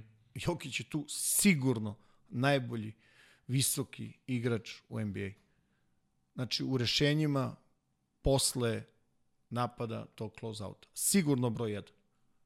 Jer su njegove rešenja, to su rešenja maltene spoljnog igrača. Međutim, znaš, e, meni je falila ideja, počnemo pričati još nekim stvarima Denver. Falila mi je ideja ove prve tri utakmice, hoću da vidim šta tačno traže. Recimo, nije mi se svidelo što ni na jednoj od tri utakmice ne igraju napad kroz igrača koga čuva Mitchell. Mm -hmm. Naročito je to bilo u prvoj utakmici. Ti vidiš recimo Mitchell ko čovjek ko da igra rukomet. Znaš, ono, frajer igra napad, pa da ima pravilo, on bi istračavao naš na klupu da, i da ulazi neko drugi da igra odbranu za njega. Znači, Denver mislim da mora da napadne Mitchella, mora da ga troši na oba Što je Juta radila u onoj, mislim, prvoj utakmici Porteru, ako se dobro sećam. Ono, napadali su ga čim je na, na terenu. Naravno, mislim, naš, tražiš rupu. Naročito kada je Porter uzeo i čuva engleska, ne može da ga čuva. Znači, to je instant prednost ima Ingles koji nije, mislim, atletski ne mogu se poredi. Međutim, on ga uvede u pick and roll i to je već problem. Porter je kao, takav kao takav, verovatno mu je najlakša opcija da uzme da preuzima. Pa je recimo uh, u ovoj utakmici sinoć Snyderovo rešenje je bilo kao Ingles u pick and rollu, međutim uh, vrlo brzo je prestao. Jer šta se dešavalo? Millsap je preuzimao Gobera koji ne može da igra na leđa, on može da učestvuje u skoku, da uzima tu takozvanu treću prednost, treći taj mismatch i ostao je Ingles na Jokiću, to je okej, okay. nije, nije to škodilo, nije to ubijalo ovaj, Denver. Ono što, ono što, što kažem ti, znaš, ono, gledaš ideje jednog, jednih gledaš ideje drugih, sad, trenutno u ovom momentu, mislim da tu Utah ima prednost. Ono što mi se recimo, znaš, mislim, sad je potpuno jasno, Mitchell je kvalitetniji od Maraja u ovom momentu. Iako je Maraj, vidi, fenomenalno odigrao prvu utakmicu Da. za igrača tih godina i svega što mu se dešava. On, on je poznat po tim utakmicama gde zna da se ono uh, raspali ono u drugom A polovremenu. ne samo to, vidi, od zadnjih 39 poena, on je napravio 31, Pa da. Išlo je, on ih je postigao ili je ih napravio za druge. Od posljednjih 39 poena. On je takav bio, ja sam ga prenosio na Nike Hoop Summitu i igrao je za Kanadu one panameričke igre i dao je Amerikancima tada, ja mislim da imao nula na polovremenu i dao im je u drugom polovremenu i produžetku 30 poena ukupno. To mu je ne- neka karakteristika, posebno što i kad je on u zoni, on klačarije isto voli da, da. Da. da, da Onda, rešava. zna, znaš šta recimo, gde Utah ima instant prednost? Kada uđe ovaj Clarkson. On je, on, njemu ne trebaju sa igrači. Da, on, njemu je, On ovo je instant napad. X, X za dodavanje nije se zaglavilo, nego je propalo dugme. Znaš, ovaj, on, i njima treba takav, sa tom takozvanom drugom mhm. grupom, znaš, Da, njima da. treba takav igrač. I vrlo dobro igra. Prvu utakmicu, drugu utakmicu, to su mu najbolje playoff utakmice koje je uradio u životu. I dobro igra, dobro šuter. Recimo u trećoj utakmici Snyder istrpi 4 ili 5-0 na početku njegovih, da bi mu posle vratio. Mhm. Ali on je igrač koji je agresivan, koji napada, uh, recimo, to trenutno Denver nema. Ima nešto drugo, ali to recimo, to recimo nema. Pričao si o Porteru. A, vidi, mnogo čudna izjava. Ha, ha, ha, Joker voli da dodaje, a ja volim da daje koševe. Ha, ha, ha. Čekaj, bre, stani, majstor. Pre početka plefa. Ne znam da si pročitao Da, to. da, da, jesu. Čekaj, stani malo. Ma super je to, raduješ se da igraš do... Vidi, on je fenomenalno napredovao. I to je sve super. Znaš, ali prvu utakmicu, je li bio na terenu kad se lomilo? Četvrta četvrtina i produžetak. Nije. Hvala. Nije zbog odbrane. Razumeš? I okej, okay, Mitchell je dao 57 poena, razvalio je čovjek prvu utakmicu, izgubili su. Da je preneo onu loptu, Da, na kraju možda, se... možda je 3-0 Vidi, na, sad. na kraju, na, vi, znaš, stvarno važan posed. Mhm. Znaš, okej, izgubio je tu loptu i tako dalje, tako dalje. Druga utakmica, festival tri poena Jute. I to je tačno ono, znaš kako meni izgleda? Ceo, ceo način odbrane koji ima, koji je postavljen, postavio Denver, ekstremno respektuju. Ekstremno respektuju taj šut s polja i treba da ga respektuju. I oni su odlučili da sve pick and roll neka, neka rešenja da prave ili switchom ili kao ovaj, tom nekom odbranom 2 na 2. Znaš šta je problem? Problem je odbrana na lopti. Sve počinje odbranom na lopti. Oni prosto ne rade ništa da se Juta ne osjeća prijatno. Tako je. A pričali smo u najavi da Denver uh, je defanzivno katastrofalan uh, u ovom bablu i uh, trenutno su najgora odbrana play-offa. 100 Jesu. 129,1 im je defanzivni rating Jesu. na 100 poseda, a Utah je trenutno najbolji napad 100, isti, dakle 129,1 uh, im je ofansivni rating. I ona stvar koja mene brine kada Denver u pitanju, užasan govor tela cele Body ekipe. language je katastrofa. Katastrofa. Na poslednjoj trećoj utakmici se to videlo. Ali vidi, izađe, sva, izvini, uposlam ti reč, ali vidi sad, kako koji izađe, on bi nešto da proba. Mhm. Uđe onaj, ne znam, backup, kako zove, Morris, onaj play. Da, Monte Morris, da. Uđe on, ja bi da probam. Pa onda bi ovaj Porter bi da proba. Svi bi nešto da probaju. E, mnogo je jednostavno. Zna se ko je Ćale, Jokić. Igramo kroz Ćaleta. Zna se ko je Keva, Marej. Igramo kroz Mareja i Jokića. Šta? Kad si našao filozofiraš? Play-offu? Pa pusti to priču, bre. Da. I onda, znaš, igraš utakmicu, niko nikog ne udari, znaš. Ne znam, ne razumem, kao da neće dobio ili igraće se 200 utakmica. Kao da nisu, znaš, kao da nije kliknuo na play-off. Da, ja sam da, da. stvarno mislio, znaš, ono, pritisak je veliki, trte mrte i tako dalje. Sve okej, ali ima ono, kako bih ti rekao, ima ono, izvorno, ono, izađeš da se takmičiš. I nije ti sve jedno zato što se taj tvoj pobeđuje. I ti ćeš uvek da nađeš 101 razlog. Zašto? Te morao sam pomognem, te uradio sam ovo, te uradio sam... Čekaj, bre, stani, na kraju se svede na to, hoćeš ti da, pomog... hoćeš ti da pobediš. Meni trenutno Juta na terenu izgleda kao da hoće više da pobedi. Mm -hmm. Razumeš? Daleko od toga, stvarno daleko da je serija završena. Daleko od toga. Znaš, i, i, i čitam danas ono, svi nešto po Jokiću. Čekaj bre, pa Jokić vas doveo tu ljudi. Pa šta je on Superman? Aj malo da mu pomognemo i tako dalje i tako dalje. Ajde da vidimo šta i kako, da vidimo. Znaš. Problem najveći je odbrana, odbrana na lopti. U napadu je trenutno problem neka osnovna ideja. Vidi, radit ćemo ovo, mi smo se odlučili za to. Nemoj da pokušavaš da pobediš Jutu u onome što ona radi bolje od tebe. To je kao u MMA. Sad ja, e, ne znam, treba se borim sa rvačem, ja ću da se rvem s njim. A ja sam, ne znam, što, o, lupam bokser, ajde, lupam se. Sad kao bokser će pobediti rvača u rvanju. Znaš kada će ga pobediti? Pa naravno. Pa mislim, razumeš da ti pričam? I sad oni hoće da, znaš, da pobede Jutu u nekom, nazovi Jutinom stilu. Pa ne može. Igraj svoje. Igraj ono što ti dovelo do toga. Ja mislim. Znaš.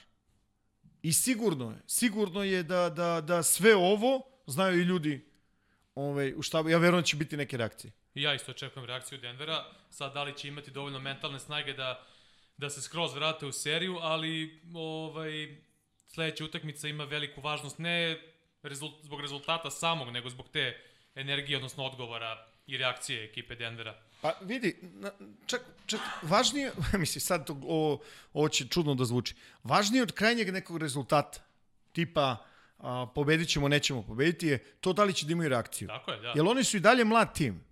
Znaš, ljudi koji nose su mladi. Prosto su mladi. Izuzev Milsepa, sve su mladi, da. Pa da, znaš. E, i ono mi, o- o- odmah mi krva priča. Znaš, kako je odigrao, znaš, izgubi se utakmica odmah. Zašto je Milsep najplaćeniji? Milsep pravi 30, ne znam, Jokić 27 miliona. Milsep ne treba, treba Grant ovaj, da bude više. Čekajte, bre, ljudi, pa nemaš posle jedne utakmice, polako. da. Znaš. Ista, vrlo, vrlo neka čudna atmosfera se napravila kod Denvera. Valjda svi toliko, ne znam, očekuju njih, ne znam, možda, ili ja ne vidim dobro, nije ni to problem, znaš, mislim, možda ja to pogrešno, možda ja to pogrešno, ovaj, možda ja to pogrešno vidim, znaš. Ali, ali stvarno, znaš, ovaj, recimo između te dve ekipe, sećaš kad smo pričali o tome da čak ni Jutina odbrana reketa, Nije, nije U više bablu- što je bila. da, ali moraš da ih napadneš unutra. Pa pazi, njima je Gober na kraju ispao neki ono respektabilan napadač. Pa čekaj, Ove s druge strane. Pa stani, Što, zaista ne sme da im se dogodi. Pa u poluvremenu 20 poena, 11 skokova, Pa da. završi čovjek s 24. Ok, sve su... Ne, otvorite Conley, drugu utakmicu pokidaš, ne znam, 46% za, za 3 poena. Treću utakmicu isto pokidaš, znači nešto grozne neke cifre. Mislim, stvarno, dobro šutiraju.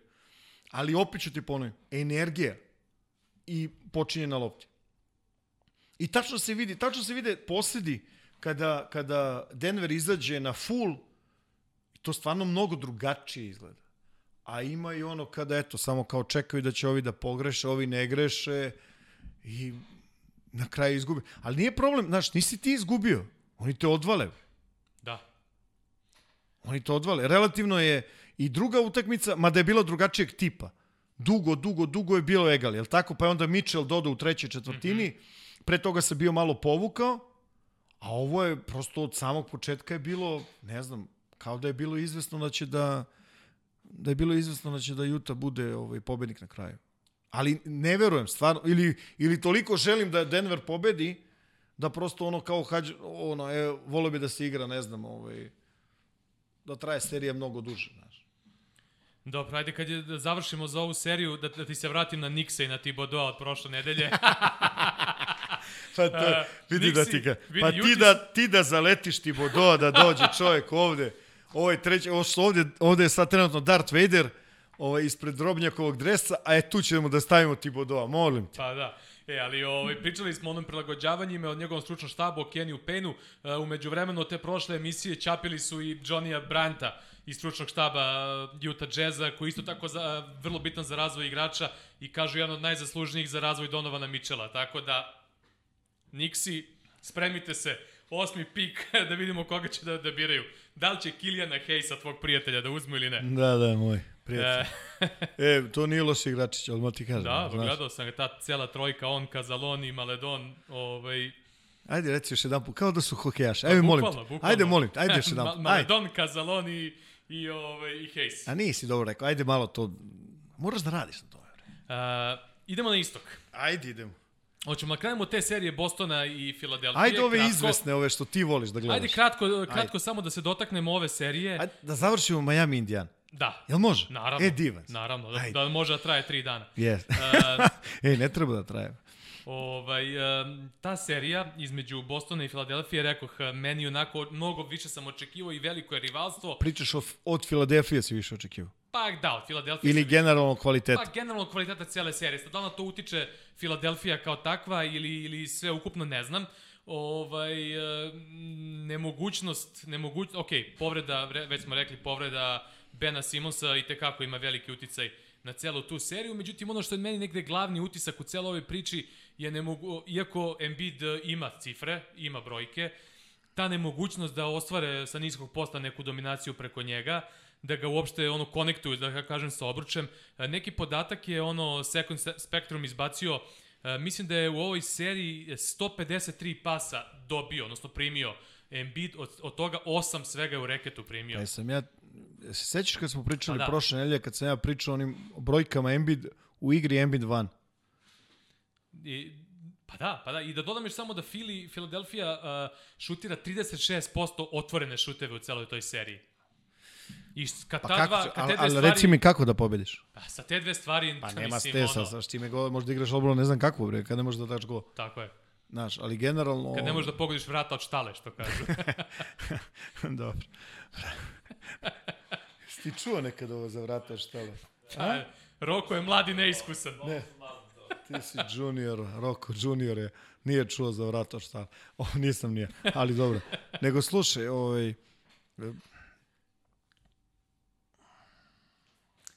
Šta ti kažeš za tu seriju? pa ne znam, to je u mojoj glavi 4-0, pravo ti kaže, ja Da, nešto da. da mi veruješ da evo, tu, tu seriju i to i ove tvoje ovaj, iz Toronto to ne gledam. Da. Gledam samo onaj condensed game što mi dođe i to gledam tako, ove ostale gledam. Dobro, Veruj ili ne, gledam utakmicu. Boston ih Sam onako, sebi sam našao Boston ih, da radim. Boston ih razlači fino, Kemba Walker je na nivou ko što si najavio. To smo rekli. Ali Ovaj- ono, opet ću se vratiti na one, na one ono, ono su mnogo čudni brojevi. Mm -hmm. Embiid na parketu jedan broj. Embiid van parketa mnogo bolji brojevi. Znaš ono, i u napadu i odbrani. Čekaj, stani. Na, mnogo, teško, mnogo teško nađeš argumente u to kad ti neko izbaci takve brojeve. Ti sad kažeš, da, da, mi oko njega, mi gradimo, mi... Znaš, ne znam, možda je on novi Dwight Howard. Dosta se priča o tome da, da su dani odbrani ovaj, Bretu Brownu, da od sledeće sezone će Philadelphia imati novog trenera, a I vraćat će se, Da, vraćat će se u San Antonio. i mnogo, i mnogo, i mnogo priča iz Eltona Brenda, odnosno ovaj, za front office, da bi možda mogao da bude promene i da onaj trust the process e, više ne funkcioniše. Koliko da je već da godina to? Pa, ko zna, više ne znam ja. Tri, jel tako? Četiri? Ne znam koliko? ja koliko, koliko traje proces od Sema Hinkija i, i sve ostalo. Uh, Kembu smo pomenuli, mm -hmm. uh, Boston, ono, što stalno ističem ja ono, ranijih godina u prenosima, uh, ceo taj posao koji radi Brad Stevens, uh, pominjali smo u najavi i Tysa na pet i ono, mnogo više šuteva za tri poena. E, ali moraš da kažeš, Hayward je povređen. Povređen, da, on ispao je Hayward, On što- je 3-4 nedelja, mislim, out. Mm -hmm. Oni moraju da odu mnogo daleko u play-offu da bi se on vratio. Jeste. I ovaj i da stvar bude još gora tu ono kad je pritisak na front office u pitanju onaj trade ono Fultz za Tatum, odnosno kad su menjali pikove prvog i trećeg na draftu, Tatum ih trenutno uništava sada, što stavlja još veći pritisak na, na, na brand, Eltona Brenda i na, na, na ceo front office. Ovaj. Ali dobro, hteo, hteo sam za Kembu da A kažem... nije, nije da se Fultz ne razvija, znaš. A dobro, ali... Vidi, to su dva od dobra njih, pika. Neko od njih više. Ali vidi, to su i- dva dobra, ali to su dva dobra Da. pika. Ali eto, Fulci imamo tu specifičnu povredu plečke i tog mišića, ovaj, o, kako se zove, na leđima, koji ga onako baš unazadio, ali u Orlandu se sada onako, da kažemo, fino razvio. Ono što htio da kažem za Kembu, mm. Boston ono, taktički, ono, dosta nekih stvari sjajno radi svih ovih godina. Ono što najviše nekako upada ovaj, u oči, da, da, da urnišu ovaj drop odbranu od pick and rolla Filadelfiji. Boston je po tom specifičan, po onom takozvanom gortat screenu. Uh, ja sam to pominjao ranijih godina, ono, blok na svom igraču u drop. Pa ne rolaš u prazan prostor, nego rolaš u igrača u svog koji... da, da, da. on je takozvani seal u svog igrača. Jest. I, I, radi se, ovaj radi takozvani snake ili taj neki ovaj dribling vraća se na pravac, na pravac prodora praktično tamo gde petica se uvali u svog igrača. Tako je. I Philadelphia već u ovoj trećoj Nije- utakmici nije- pravila prilagođavanja da pomogne Mnogo, tu. mnogo da. timova to koristi. Jeste, jeste. Da. Ali oni, Boston je i u Evropi sad počelo onako No, dosta ne, ali češće. Ali, ovaj, te, te da kažem za, za Boston da to radi onako izraženo i, a naravno to je Gortat, zašto se i zove Gortat screen ili Gortan sa volom to radio. Dakle, Gortat napravi na neki način, Gortat je više ono Majsu pravio taj blok na, na, na igrača koji njega čuva na centru praktično, koji ide gore u drop da brani i ovaj i Vol je tu da ono leteo dok, dok se nije povredio. Imao veliki broj poena iz tih situacija, to da da i to negde dotaknemo malo ovaj kada je, kad već nema mnogo mnogo što što da kažemo u ovoj seriji, eto Pa, da da, da, da Sad istaknemo. čekam da kažeš Alex Marić, ali neću da provociram. Da, da, da. E, neću da provociram. Naravno, pa ne, to smo viđali. Pa bila je čak neka ono neka priča dosta kao e, u Evropi kao Žalgiris to radi, Makabi uradi sve na vreme, ali radio, radio je Partizan to često uh, budućnost, ko, jel ti, a? Nis, šalim, ajde, pusti priču. Neće se hvališ. Ma šta ću da se hvalim glupo? Pa dobro. Mislim, u Evropi generalno sad kao neke kao tendencije pripisuju ne znam kojim ekipama, kad krenemo od onog Spain pick and rolla, mislim, Spain pick and roll, ono Željko Obradović ga radio 2000 tih. A pre njega Riley. A pre njega Riley, e, baš sam gledao sad e, tokom lockdowna e, iz 80-ih Lakersa koji su to radili, A, mislim, bre, da... Pusti kažnjavanje i skakanje, aj. Tako je. I, I sad kao Spain pick and roll ostade ovaj... Pa dobro, speniš, sve je to, Pa, da. a to je lepo, bre. A dobro, ajde, nećemo sad da mračimo mnogo. Nisam mračio, što sam mračio? Ma ne, obojice smo kao malo bacili Nije, smo pa neki nemoj hejt. obojica, ja nisam. Hejtić, ti, hejtić smo pa bacili. ti si bacio hejt. Pa ne znam, nisam vidio kameru koga je prikazivala Pa kamera. tebe prikazuju sve vreme. Ti si koluta očima kao Harden u prošlogodišnjem Ja. play-offu. Dobro, e, ovo smo prošli, e, Brooklyn, e, Toronto, Neću da pričam o tome. 3-0, mislim, ovaj, napravili su malo problema u drugoj utakmici, Neci kada su počeli mnogo više da preuzimaju odbrani, dok se malo tu prilagodila ekipa Toronta, tek su u posljednjoj četvrtini uspeli da ih slome i da dobiju taj meč, u ovoj trećoj nisu imali nešto mnogo problema, Sijakam se probudio, to bi istakao, nakon prilično loših izdanja i, i šuta od nekih 39% u bablu i u ovom, na početku play-offa odigrao jedan od onih e, mečeva.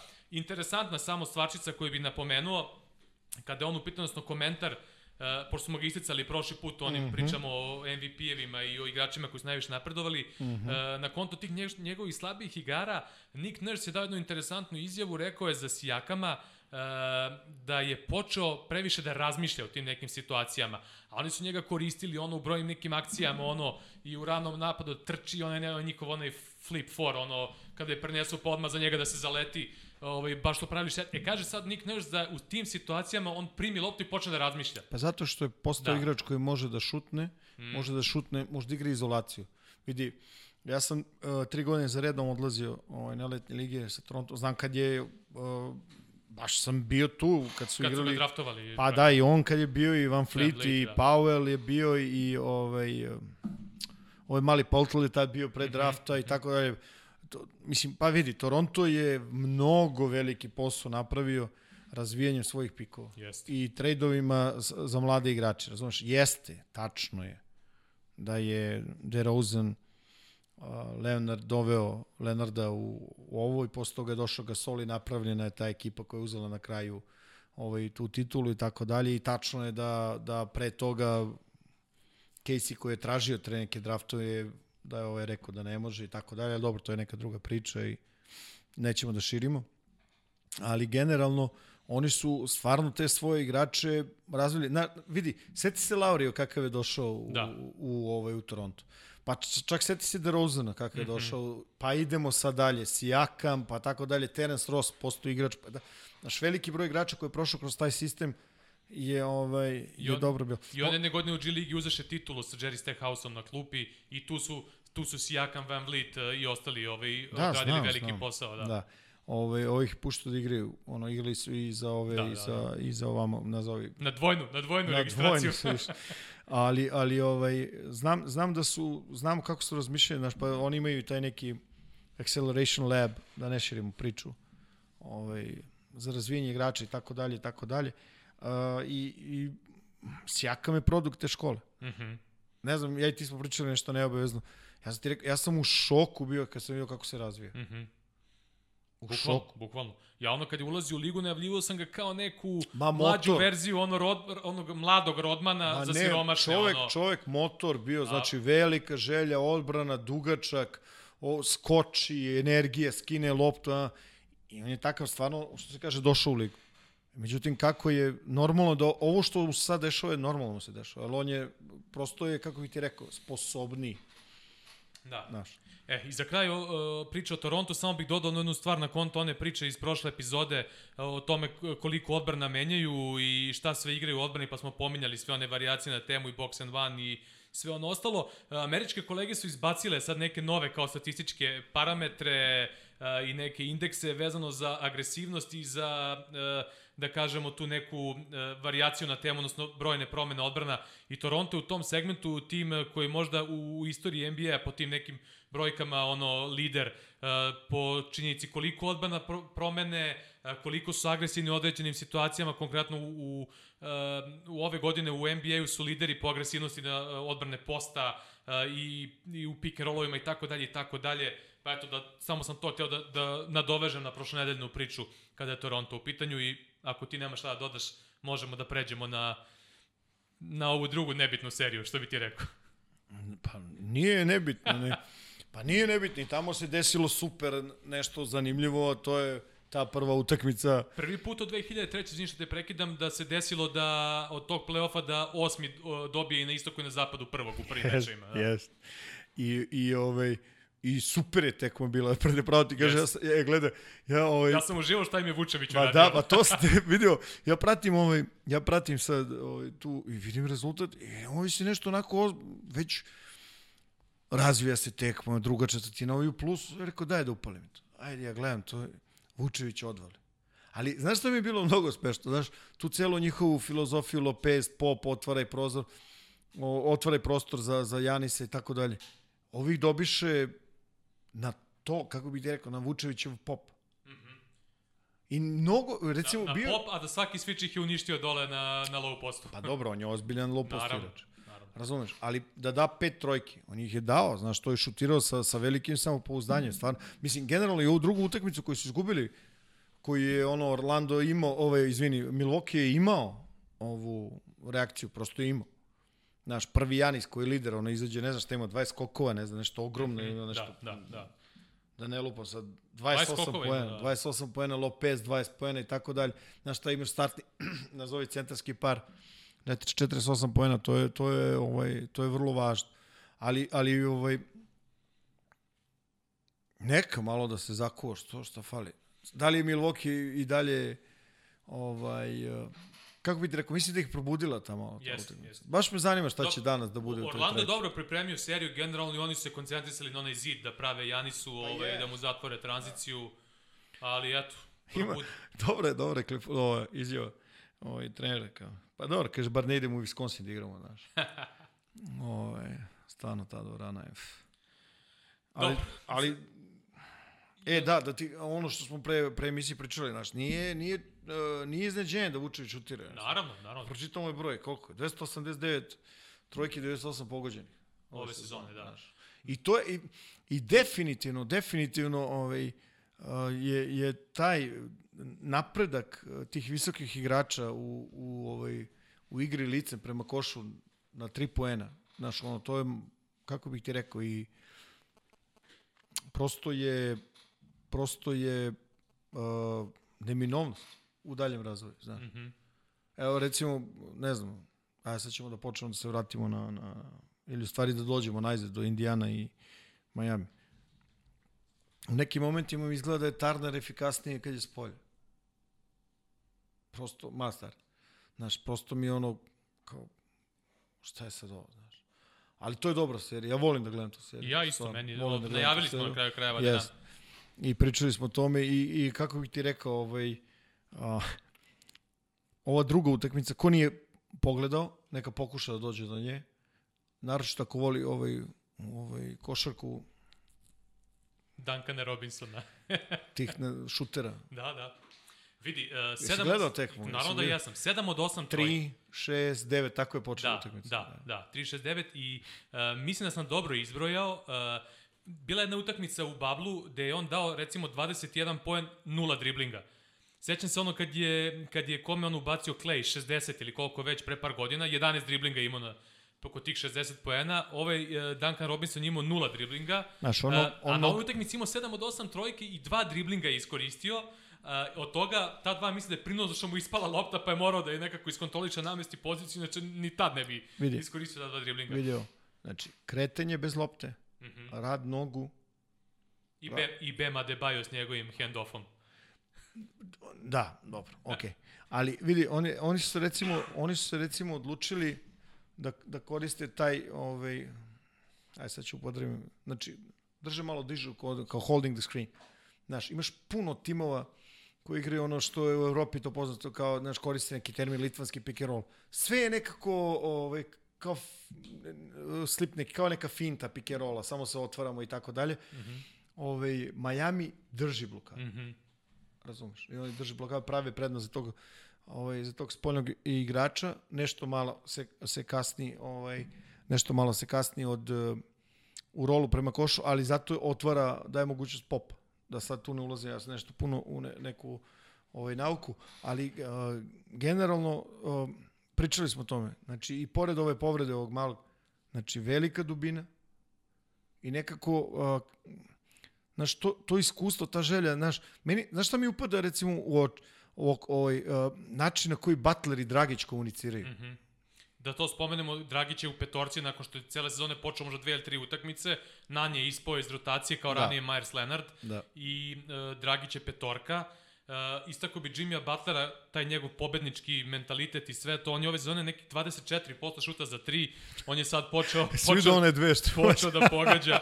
ovaj, e, I ono što, što takođe hoćemo, hoću da spomenem, a pomenuli smo to u prošloj emisiji, uh, taj trade koji je obavljen tamo negde, kad je bilo neg, negde u februaru, sad ne mogu ni ja se setim, uh, kad su, kad su ovaj, uh, doveli iz Memfisa uh, kad su napravili trade, kad je ispao Myers Leonard iz, iz petorke i uh, nakon cele te priče ekipa Majamija koja je bila 24. u ligi po onoj konstantnosti preuzimanja, sada su šesti u ligi u tom segmentu. Mnogo više sviča u odbrani, promenili su taj neki način defanzivne igre uh, i sada opet neka prilagođavanja unutar samog play-offa i, i to izgleda sve bolje i bolje.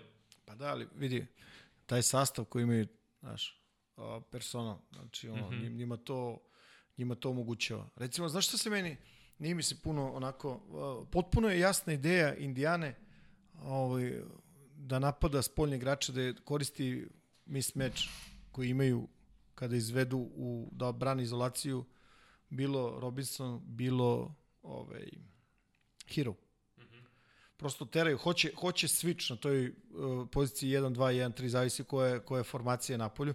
I ne znam da si vidio, ovaj, uh, Miami to brani tim iskakanjem da bi, da bi ovaj, da bi bili u mogućnosti da to igrača koji popa napolje nekako da ga stignu, da ne bude automatsko, izbegavaju automatsko ovaj, preuzimanje.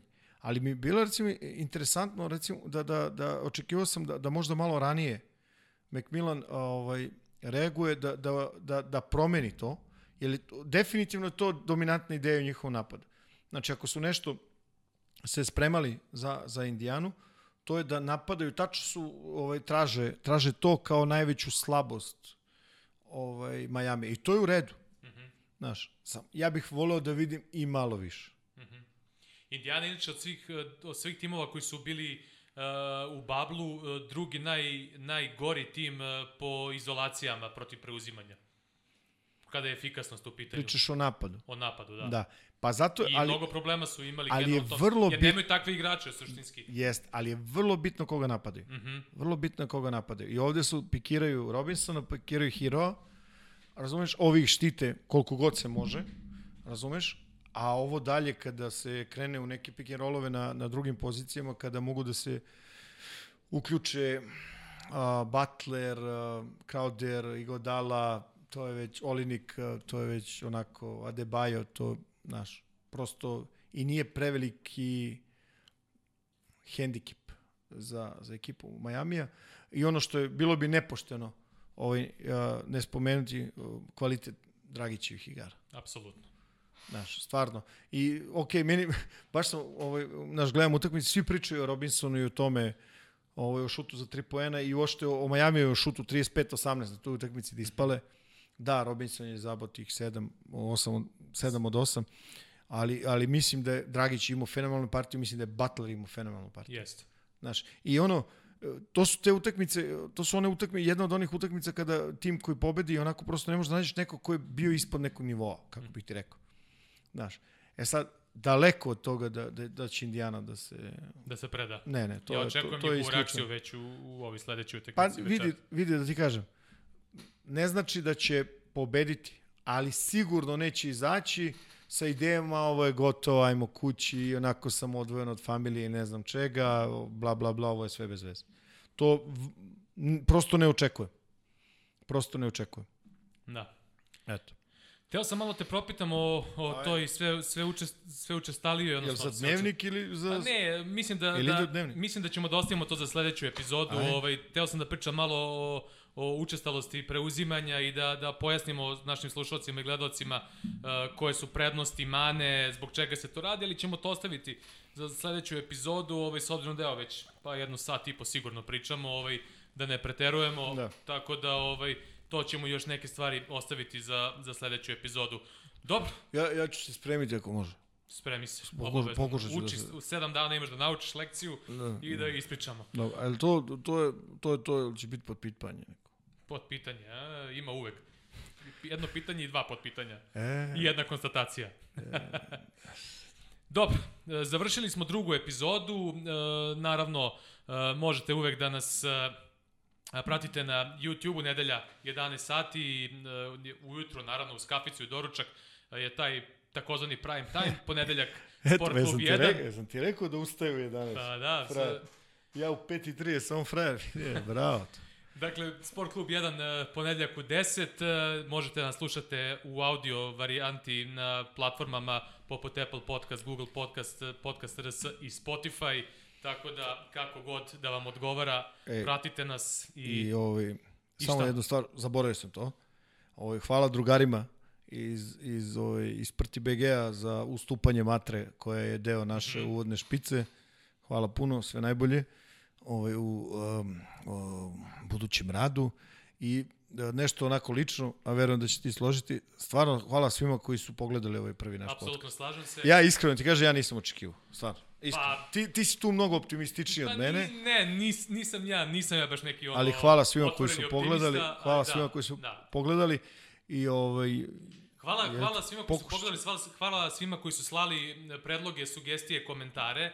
E, Hvala trenerima i igračima koji su takođe gledali i poslali dosta nekih e, pohvala, to nam i tekako znači. Ovaj, I verujem da sad kad se malo i mi uigramo, kad bude bilo i gostiju i uključenje i tako dalje, tako Da. dalje, da ćemo još više i naše slušalci Biće- i gledaoci uklju- uključiti u, u komunikaciju, ali treba i nama vremena malo da se da se priviknemo, ovaj tako da nadamo se da će to biti ovaj takođe zanimljivo. apsolutno. Znaš, nastavit ćemo, nastavit ćemo u ovoj formi da, da pričamo onako blok po blok po blok po blok sa nekim ovaj sa nekim videima ovaj vezano za neke igrače i sigurno ćemo imati goste kao što smo i rekli jel i Apsolutno. počet ćemo da imamo sagovornike koji su van Beograda. Upravo tako, ovaj, i generalno kažem, ja sam dobio dosta nekih zanimljivih komentara i predloga i onako prilično sam srećan zbog toga što, što ljudi, ono, da tako kažem, ušli su u, u neki ritam ovog podcasta i cele ove priče i, i ne šalju nam neka pitanja kao šta misliš o ovome, šta misliš o onome, nego su to neke, ono, da Čekaj, kažemo, bre, konkretne ovo je tek drugi, A polako. tek druga epizoda, ali dobro. Nadam se da će biti kako treba. Znaš kad smo uspeli? Ajde, Kad, kad, slušam. kad tamo stavimo babu iz Koto tamo peva. To, to, ja sam već to pripremio, nemoj da brineš. Nemoj da brineš, sve je Jer dogovoreno. znamo o čemu se radi. Ti samo biraš koja je to epizoda, da li ako dočekamo Da petu dočekamo tu, baba iz Koto tamo peva dole. Dobro. Eto, tim ćemo da završimo ovu drugu epizodu. E, Budite i dalje uz blok po blok.